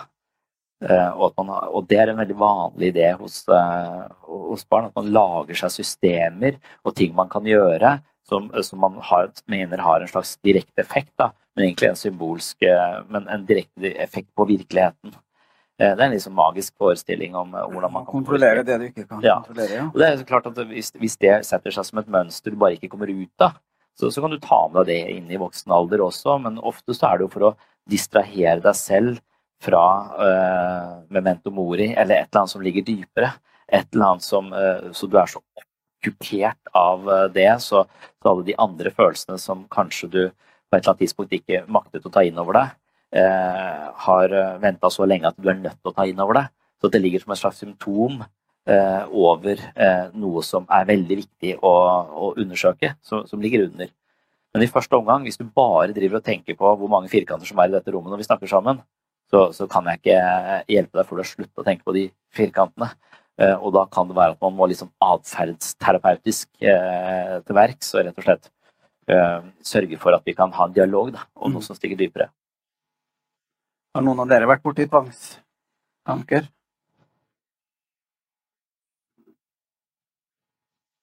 Ja, jeg, jeg hadde glemt det, men når han sa det med de der hvite stripene, så husker jeg det at det, det var om å gjøre for meg å få tråkka på de hvite stripene, ikke komme borti det svarte. fordi at da når jeg kom på skolen, så ble jeg ikke mobba den dagen. Hvis jeg klarte det. Det var en sånn der forsvar Det har jeg ikke tenkt på, men det var litt morsomt når du tok den. den. Så ja, jeg har hatt det, da. Mm. Men du anbefaler atferdsterapi, da, eller konfrontere det du er redd for, eller det du prøver å kontrollere, da? Se at det går bra? Ja, jeg, jeg tenker at igjen så, så, så det, det, kan fungere, og, men, eh, men, men, jeg mener at det, hvert enkelt menneske er såpass eh, unikt at det å kunne se eh, Og så mener jeg da, da sannsynligvis en milliard årsaksforhold eh, som ligger bak all vår egen motivasjon, og vi kjenner ikke disse årsaksforholdene. Og psykologi og psykisk helse er en slags eh, nysgjerrig utforsking av hvilke årsaksforhold ligger eh, til grunn for akkurat denne måten å, å, å handle på, å tenke på og føle på. Mm. og jeg anbefaler alle folk å tenke at alt du tenker og føler, er feil. For tvangstanker er jo litt sånn du tror på tanken, du tror at tanken faktisk representerer virkeligheten på en eller annen måte. Mm. Og, og, det er jo feil. Vi konstruerer disse tankene, og de kommer jo fra Så, så du har for stor tiltro til tankene dine. Det å få litt større avstand uh, til tankene sine vil være veldig, veldig viktig. Men det å tenke da at uh, dette er en, en, dette er en altså, du, du, har kommet inn i en sånn type, type, loop her, og det kan godt være det er noe atferdsterapeutisk må til for å komme ut for å bryte det mønsteret uh, som, som, som, du, har kommet inn i. Samtidig så, så vil jeg også, også, tenke at igjen så er vi kanskje litt inne i det narrativet som sier at dette er feil. Eller det er en beskyttelse mot, mot, noe annet som har tidligere vært for overveldende å ta inn over seg, men som du nå kanskje er klar for. Mm. Så, så, det kan være en annen, sånn som edderkoppfobi f.eks. Sjukt mange folk som er redd for edderkopper. Mm. det er også veldig mange folk som er redd for heiser. Og så må man tenke ja, men det er, eh, de som er heisfobi, de har liksom blitt eh, stengt inne i en heis. Det er ingen som blir stengt inne i en heis. Det er sjukt sjeldent. De, de, blir jo sjekka hele tiden av sånne heismontører. Så det er, veldig, det er i hvert fall veldig mange flere mennesker som har heisfobi, enn som faktisk har sittet fast i en heis på et eller annet tidspunkt. Så det er et eller annet med denne heisen eh, som gjør at folk er, er redd for disse dørene som går igjen og flytter fra en etasje til en annen. Og, og, og da å se på det som en type feil, eller som et eller annet sånn signal. Et eller annet sånn derre Hva er en heis egentlig? Ligner ikke litt på en kiste?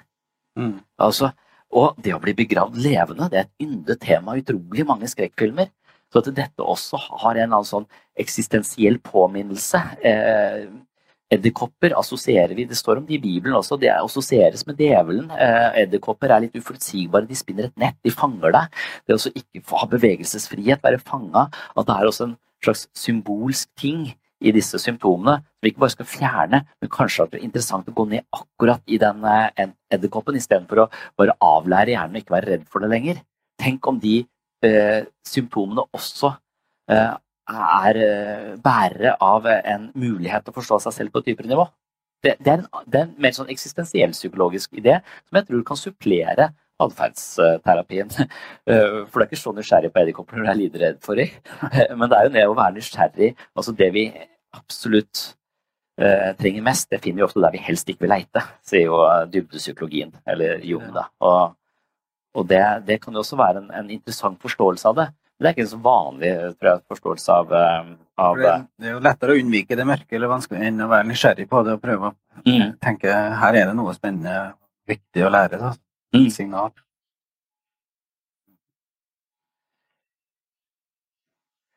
Her er neste spørsmål. En pasient har gått på lykkepiller i 20 år. Bruker tre måneder på å komme ut av det. Blir utredet for ADD få tabletter tåler de ikke, og får lykkepiller igjen. Høres det riktig ut? Jeg tviler på hva vi syns.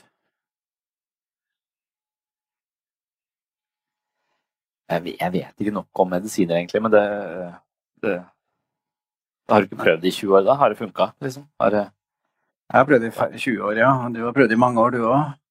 Det kan virke bra en stund, men det er langtidseffekten og bivirkningene er skumle, da. Mm. Så antidepressiva eller lykkepiller er jo forskning som sier at de fleste blir bedre på sikt, da. Som ikke bruker den, dem som bruker det. Så. Det høres ikke riktig ut, syns jeg. Men da går vi inn i hvilken lege som vurderer hvilke symptomer til hvilke medisiner. Det kan vi ikke gjøre her, da, selvfølgelig, men jeg ville i en sånn situasjon tatt igjen og prøvd å ta et sånn breddeperspektiv på min egen situasjon. da. Mm. Eh, og, og, så Og jeg, det, det, er jo Du er på et fryktelig mørkt sted. Eh, det, det depressive. Man skal ikke liksom eh, undervurdere det, men, men igjen en sånn eh, Altså hva Eh, i hvilken kvadrant er det det trykker? Er det fordi det er noe gærent med nevrokjemien? Det må være ideen med medisiner, at det skal gjøre et eller annet med nevrokjemien din, så opplevelsen av deg blir annerledes. Mm. Eh, men måten du har lært å tenke om deg selv på, operativsystemet inni huet ditt, som eventuelt hele tiden rakker ned på deg eller gir deg ansvar for alt som går, uh, går galt, uh, og, og liksom du, du, hele tiden har en sånn overhengende kritiker som du går rundt med, uh, som, som kanskje ikke kanskje ikke biter på disse medisinene i det hele tatt. Den kritikeren kan være der likevel. Du hører den like fullt, eller du hører den kanskje ikke. Den bare ligger og styrer det uten at du veit det engang. Det er en annen idé om, uh, om hvordan denne, det depressive skal være. Eller at du, du, er så mye på mobilen og aldri ute i naturen, uh, så, så, du har havnet i et sånn stimuli-helvete uh, hvor, hvor, du overvelder hjernen din med alt mulig ting, så du blir helt sånn apatisk og, og, og kan utvikle en eller annen form for depressiv opplevelse av det. Eh, eller at du har noen narrativer fra kulturen din som sier at du hele tiden må forandre deg, ting må bli bedre, depresjon er feil. At du istedenfor å undersøke deg selv, hele tiden ser etter eh, hvordan eh, du skal forbedre deg, hvordan du selv er feil og skal være et annet sted. Mm. Eller at du ikke har noen å lufte ting sammen med. Det er så enormt mange. Så trening, hvor, hvor mye beveger du deg? Hvor, hvor, mye er du i skogen? Hvor mye er du på mobilen? hva slags vennskap har du? Har du vennskap hvor du bare helt tiden er opptatt av å, øh, å, si de rette tingene? Eller har du vennskap som stikker litt dypere, som du har en kontinuitet i, som du bryr deg om, og som du kan være deg selv sammen med? Altså, alle disse tingene vil jo påvirke den depresjonen, og den vil være unik for den enkelte. Så, så, du har nok et, hvis du tenker sånn, så har du et veldig stort handlingsrom eh, med hensyn til hvilke intervensjoner du kan eh, praktisere. Og, og vil, ingen av de intervensjonene vil funke over natta. Men på, hvis du f.eks. går en tur hver morgen kontra å sove til du våkner, og så ikke spise frokost før klokka ett, eh, og hvis du gjør det over tre måneder kontra å stå opp klokka halv ni og gå en tur på en halvtime i tre måneder, så ser livet ditt her borte annerledes ut uansett. Mm. Du har sett at naturen forandrer seg, du har fått frisk luft, og du har fått mosjon kontra å sove. Eh, så, så disse, alle disse tingene kommer til å spille en rolle. Og det å ta ansvar for livet sitt er jo egentlig også å se på hvilke ting kan jeg ikke kontrollere. Nå kan jeg ikke kontrollere nevkjemien uh, på, på, den måten. Altså, eller, altså, det, er mange ting som jeg lever i. Jeg har ikke penger, f.eks. Det er ting jeg ikke kan kontrollere. Det påvirker livskvaliteten uh, vår. Men det er også noen ting i situasjonen vår som vi har handlingsrom på.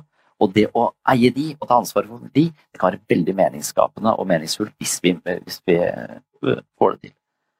Men det tror jeg er fryktelig vanskelig å gjøre øh, på bakgrunn av egen motivasjon når man er deprimert, eller på viljestyrke. Du er nødt til å være et fellesskap som, som fostrer den type tenkning, og du kan hjelpe å dra opp noen andre som kan hjelpe å dra opp deg. Derfor tenker jeg, Har du en hund, altså, kontra å ikke ha en hund, da kommer du deg ofte ut. Fordi du får så dårlig samvittighet når du ser den bikkja stå og kikke på sånn, skal jeg, bare, skal jeg også bli deprimert nå? Bare fordi du ikke orker å gå ut? Og så Nei, det kan jeg ikke ha på meg. Så går du ut. Altså, så, så, enormt mye helse i, tror jeg. Kanskje en hund er bedre enn antidepressiv, da? Har du prøvd det? ja. Iallfall en tur bedre enn antidepressiva. Eller? Ja bruke kroppen. Og, ja, og, og, helst da med kanskje noen som hjelper deg, eller et, et fellesskap ja. som, du, som du er forankra i. Ja. Jeg tror fryktelig mye av det er nesten mulig å løfte et liv og skape mening og ha selvdisiplin nok til å trene, gå tur, spise sunt. Alle de tingene der sånn, det er noe vi klarer når vi løfter i flokk. Altså. Ja. Eh, så så lenge vi ikke løfter i flokk, så, så tror jeg vi er ganske høyt. Anne Marie? Sånn stikkord Altså, det er på vei til en ny diagnose så er det det Jeg har jo snakka med en del folk som sier ja, vi får en diagnose, men hva så? Mm. For eksempel, altså En ting er at ADHD-barn medisineres, men så er det liksom stopp der. Fordi at det, får du en diagnose, så er det en del ting som kan medisineres. Mm. Så finnes det noen diagnoser som kanskje du er så heldig at ikke de kan medisineres. Altså for eksempel innenfor personlighetsforstyrrelser og sånn, så er det noen ting som du kanskje de vil helst ikke ha det til behandling. Nei. Men det kan også være lykken i det. For nemlig det der med at du kan gjøre Hvis du gjør noe, så endrer du også kjemien i hjernen. Hvis du bare sitter og, gjør, og sitter stille, sånn som du sa i sofaen i mange år, og, og altså da, da, skjer det ikke så mye endring. Men det å gjøre noe eh, endring, det å se seg sjøl utenfra, prøve de tingene ute i naturen og de um, jeg, var, jeg har alltid slitt med vekt i mange år. Og på et eller annet tidspunkt så tok jeg og la ut over dobbeltsenga hjemme de 28 bøkene jeg hadde kjøpt i forhold til å skulle slanke meg. Og så skjønte jeg at de, de virka ikke. Det som, men det var ei bok som jeg sparte, og den heter The No Diet Diet. Og den sa egentlig det at du kan få til alt mulig, bare begynne å gjøre noe annet enn det du har gjort. For hvis en tror en får til en endring med å gjøre det samme, så er det egentlig galskap i seg sjøl. Så alt ifra altså å begynne å komme deg ut, gjøre noe annet, inn, altså invitere verden inn. Spennende. Så eh, altså den, den, som har gått så lenge på medisiner som, som altså er, Det tenker jeg er et, et menneske som modnes, og som har masse livsvisdom og begynner å heller finne Ta tak i livet sitt sjøl, framfor å stole at noen skal fikse det. det. De prøver å si det til hverandre i det miljøet vi går. Altså både fagfolk og, og brukere og pårørende er jo også pårørende. Det ta tak i livet sitt sjøl. Det der. Da trenger du det ja. som Sondre snakker om, du trenger et fellesskap der du sier det sammen med noen. Det, det å være alene og si det Ja, det er utrolig ganske... viktig med fellesskap, og ikke et hvilket som helst. Gå til et som du kjenner at du er trygg og hjemme, for der klarer du å utvikle det. Mm. Er det noen som brenner inne med noen andre spørsmål, flere spørsmål, så er det lov å spørre. Dere har noe dere vil spørre om. Vær så god.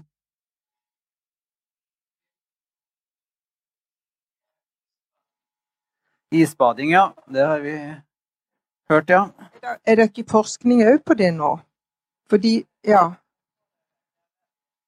Ja. Så det, da kan det kanskje brukes av medisinverdenen. Veldig bra. Ja. Det virker veldig kaldt, syns jeg, da, men eh, Ja. Kanskje det er noe å bare forsøke, da. Se, jeg tror det kunne ja, det... Jeg har en venninne som starter med det, og hun sier det forandrer veldig mye hos henne. Ja. Det restarter sikkert noe system, da. Det, jeg tror det kan fungere bra. Andre spørsmål? Eller kommentarer? Innspill? Motforestillinger? Ja.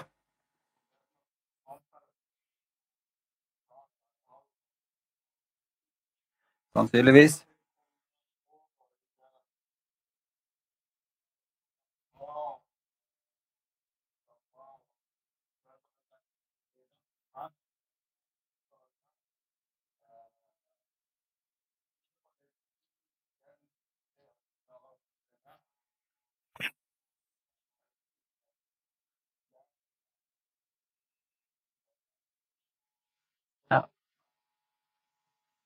Har du noen forslag sjøl? For å stille spørsmålet tilbake?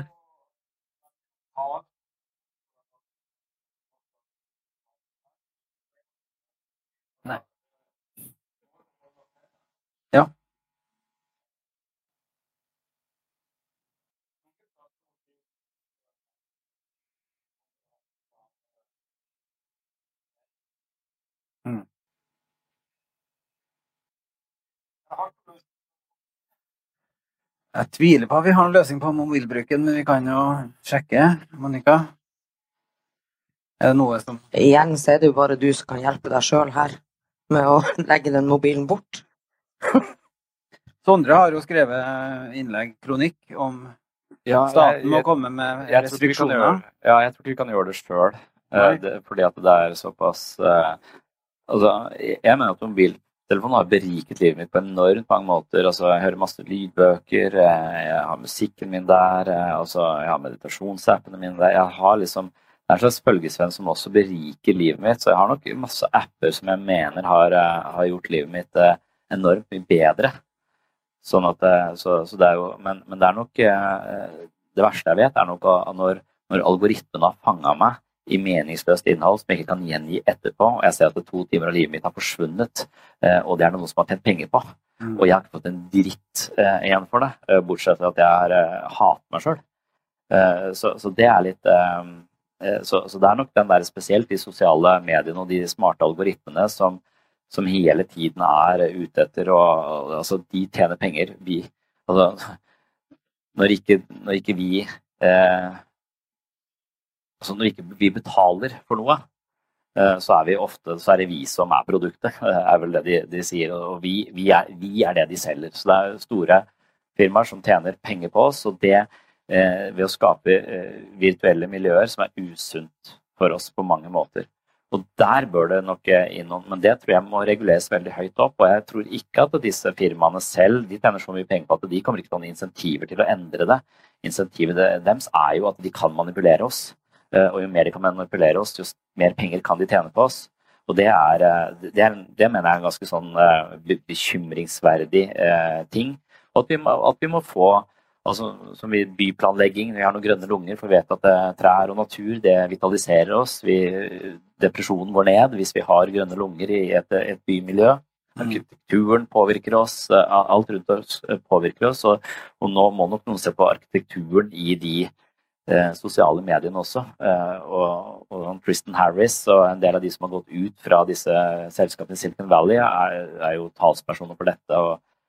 så, så, så, men der tror jeg det må, må noen reguleringer til som eh, går over, eh, over oss. For jeg tror at de algoritmene er såpass sterke at de, de overvinner vår egen eh, innsikt. på en måte, At vi ikke klarer Det går i hvert fall veldig mye til å transcendere eh, det og eh, gjenvinne sin egen oppmerksomhet i, i møte med noe, såpass, eh, noe som er såpass sterkt som det. Litt sånn som Tenker du eh, altså ja. at, at myndighetene skal begrense det to timer per dag, eller så skal de gå inn og gjøre noe med selve Jeg bare Ja, jeg mener bare sånn der, eh, nasjonalt regulert skjermtid. Så, så telefonen går i svart når du eh, har brukt opp tida di.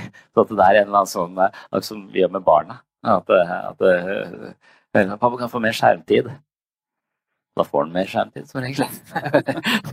så, så, men at det kommer fra Nei, jeg, jeg vet ikke hva man skal gjøre, gjøre Nei, det, men det er nok en, eh, noe man blir stadig mer oppmerksom på etter det social dilemma sånn på Netflix. Så, så er vi klar over dette her, og vi, man ser uh, farene uh, med det.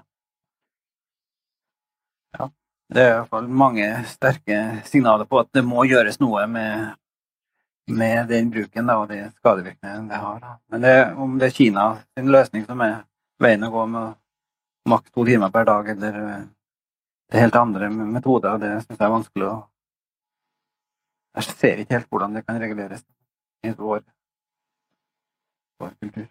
Nei, det må være om det fantes en eller annen at, det, at de at det kommer inn i en eller annen sånn litt annen uh, moral og etikk i de som eh, konstruerer eh, de, de miljøene som vi fanges av. Mm. Men der er det så mye, mye penger i at det er vanskelig å forestille seg at de tar det ansvaret. Ja, jeg tror ikke vi får noe svar på hvordan vi kan løse den misbruk eller skadevirkningene av skjermbruk. Det er et kjempeproblem i samfunnet, og det blir sikkert større også, da. i forhold til psykisk helse òg, da. Avhengighet. Andre spørsmål? Ja.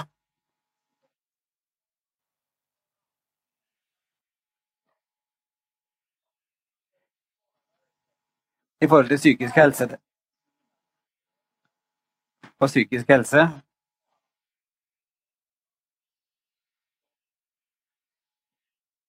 Det er et svært størst spørsmål nå klokka er ni, så det vet jeg om vi kan svare på. Men det, vi må jo håpe at vi kan eh, snu noe av de negative tendensene i psykisk helsevern i forhold til medisinbruk, i forhold til alternative behandlingsformer, medisinfrie behandlingsformer, andre typer miljø der en kan støtte brukerne kan støtte hverandre å få en mer synlig funksjon i psykisk helsevern, eller enda større funksjon. Det er bare min Jeg skal ikke jeg svare, da, men dere får ikke noe jeg, jeg, jeg tror at, du, eh, at vi kommer til å altså, jeg, jeg er spent på de psykedeliske er ja. preparatene. Ja, for det virker som de jobber eh, liksom eh, på lag med eh, Når jeg sier at alt du tenker og føler er feil, så er det fordi jeg vil at folk skal begynne å tenke på at de hele tiden konstruerer sine egne opplevelser av seg selv og livet eh, i, i takt med alle erfaringene sine. Så alle erfaringer, positive og negative, vil være med å styre de nye erfaringene dine. Så måten du opplever verden på, er jo ikke en, en direkte refleksjon av verden. Det er, den er, du er med på å skape disse verdensbildene dine, og de er influert av dagsform, av følelser osv.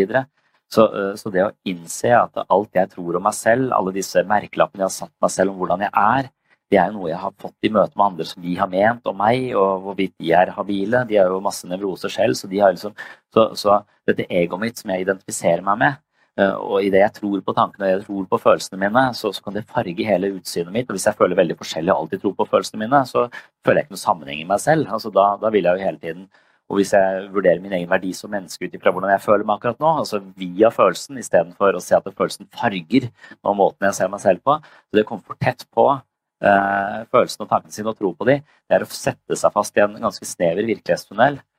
Eh, og jeg eh, mener at meditasjon det vil jo eh, langsomt dytte deg ut til å se at tanker og følelser kommer uansett. Eh, de oppstår, og de går, og de oppstår, og de går. Med en gang det kommer en følelse av tristhet, og du har en merkelapp på det som det er feil å være trist, så er du trist fordi du er trist. Og da er du i det Mark Manson kaller feedback loop fra helvete. Og det tror jeg er depresjonen. Altså, nei, jeg må ikke være trist. Og så istedenfor å bare akseptere at det som kommer, og ikke være så tett knytta til det. Og jeg opplever at disse rusmidlene rett og slett bare kaster deg ut i et perspektiv hvor du virkelig innser at eh, du er ikke tankene og følelsene dine. Tankene og følelsene dine må ikke de, de kan ikke få definasjonsmakt over, for de er styrt av så sykt mange faktorer som ikke du har vært med på å kontrollere. Hvem du er som menneske, er ingen sannhet. Det er ting du har blitt fortalt av andre. Måten du har blitt speila på, måten du har blitt møtt på. Eh, Og det å løsne det forholdet litt, det tror jeg ville hjelpe oss ekstremt mye til å slippe å kjempe opp for å denne, dette egoet og denne kampen det er å være eh, et menneske istedenfor å vinne disse krigene, bare kunne, kunne ha et romsligere forhold til seg sjøl. Og hvis vi får hjelp til det, så, så tror jeg vi kan bli en mer harmonisk eh, Da tror jeg vi blir mindre fundamentalister i oss selv. Jeg tror vi får et større perspektiv. Jeg tror vi kommer til å ikke nødvendigvis skyte andre fordi de mener noe annet enn oss. Eh, Og vi kommer ikke til å gå rundt og hate oss selv eh, fordi at vi tror at vi er mindreverdige pga. alt mulig eh, sånne diktatorer som bor i oss selv. Vi har diktatorer inni huet vårt, og vi har diktatorer eh, rundt forbi i, i verden som eh, begrenser mennesker noe dramatisk. Og jeg tror at eh, et større perspektiv der enkeltindivider kanskje kunne gjort ganske mye for eh, harmonien, både i oss selv, men også på et samfunnsnivå. Men da ikke sånn, eh, ikke kriminalisert, for jeg tror rusmidler er skadelig det det er kriminalisert og, eh, og gjøres i en bakgate. Og da tror jeg du får innsikter som du helst ikke vil ha. eh, på en måte. Men hvis dette er gjort, hvis vi kan finne terapeutiske doser eh, av ting vi finner i naturen, f.eks., Eh, og dette er eh, regulert, og ikke noe sånn som eh, Ronny eh, med boblejakke har eh, prøvd sjøl og syns var dritbra, for han har funnet ut at det er ufoer eksisterer, liksom. Hvis det ikke kommer fra han, men fra et litt ryddigere miljø, Ja. eh, så tror jeg det at vi kan, eh, eh, kan ha mye å hente der.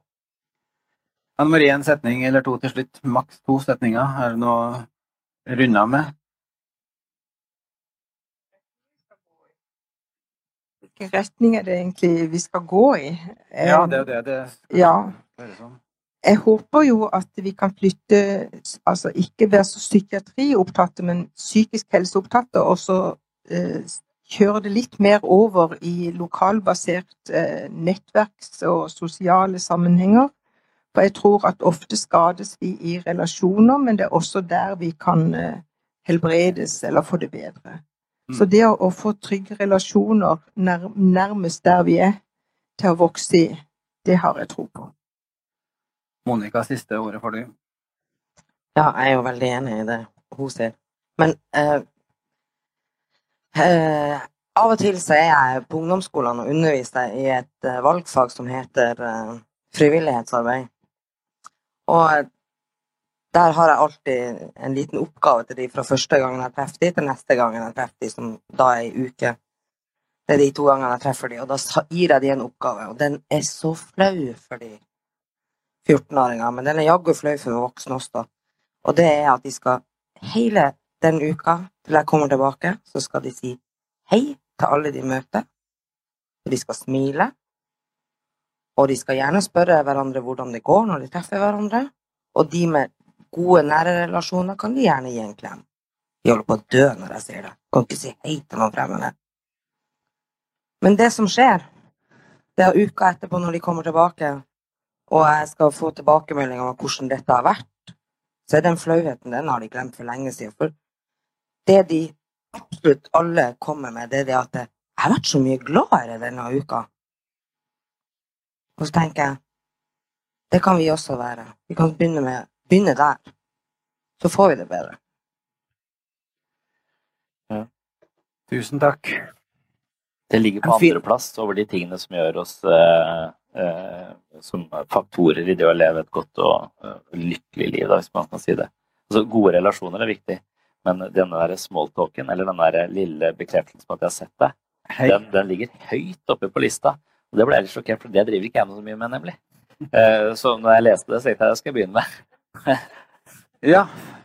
Nei, men en fin avrunding på kvelden syns jeg at vi kan si hei til hverandre når vi ser hverandre, og se hverandre og være til stede og at vi betyr noe for, for hverandre. Vi kan bety enormt mye for hverandre i forhold til livets utfordringer. Da.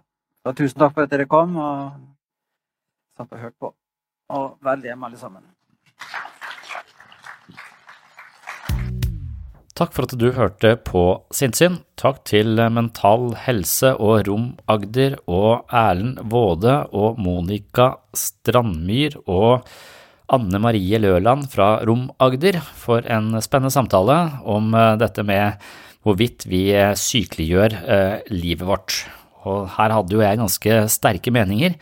Jeg er redd for det kliniske språket. Jeg er bekymra for diagnostisering og hvordan vi ser på og forstår psykiske utfordringer. Og jeg håper jo ikke at denne podkasten er med på å sykeliggjøre samfunnet, snarere normalisere at det å ha en del vanskelige følelser, ha en del utfordringer i livet og utsettes for en del faenskap som kommer til å prege oss eh, videre i livet.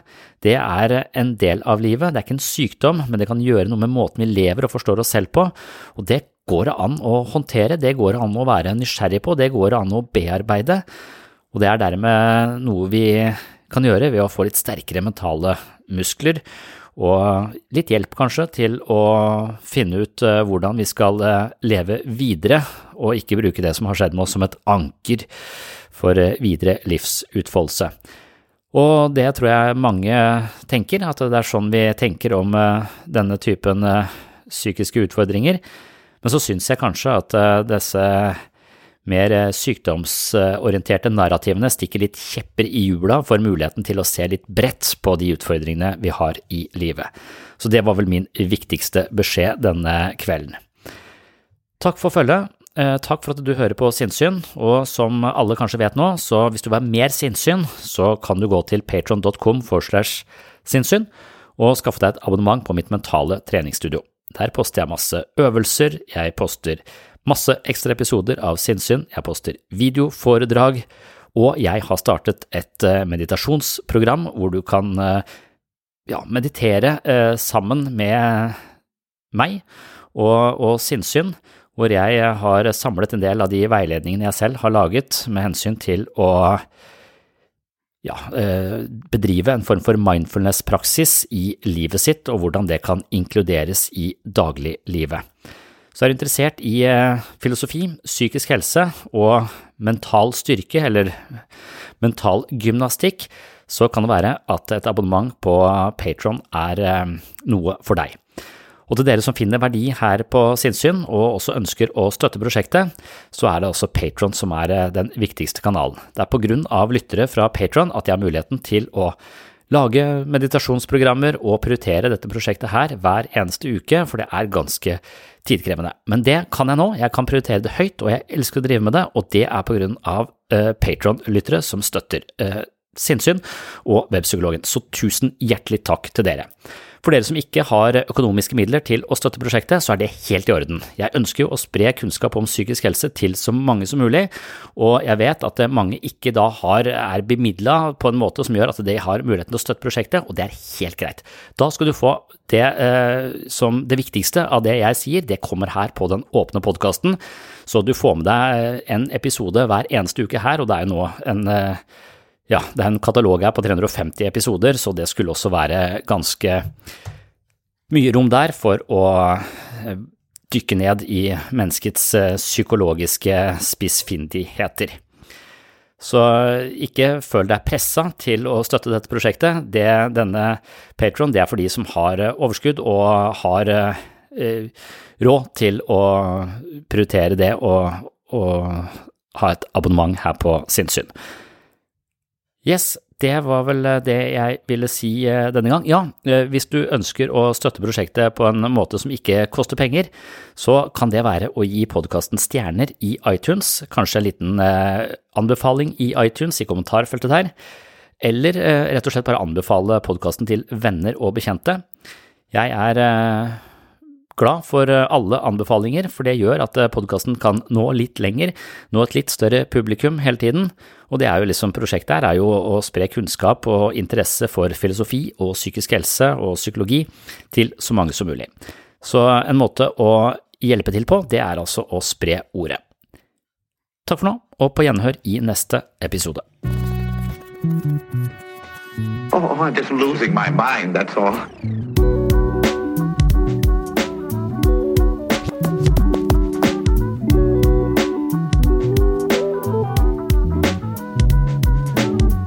Discuss some of the I can discuss some of the I can discuss some of the psychological aspects of the case. Psycho, psycho, psychological aspects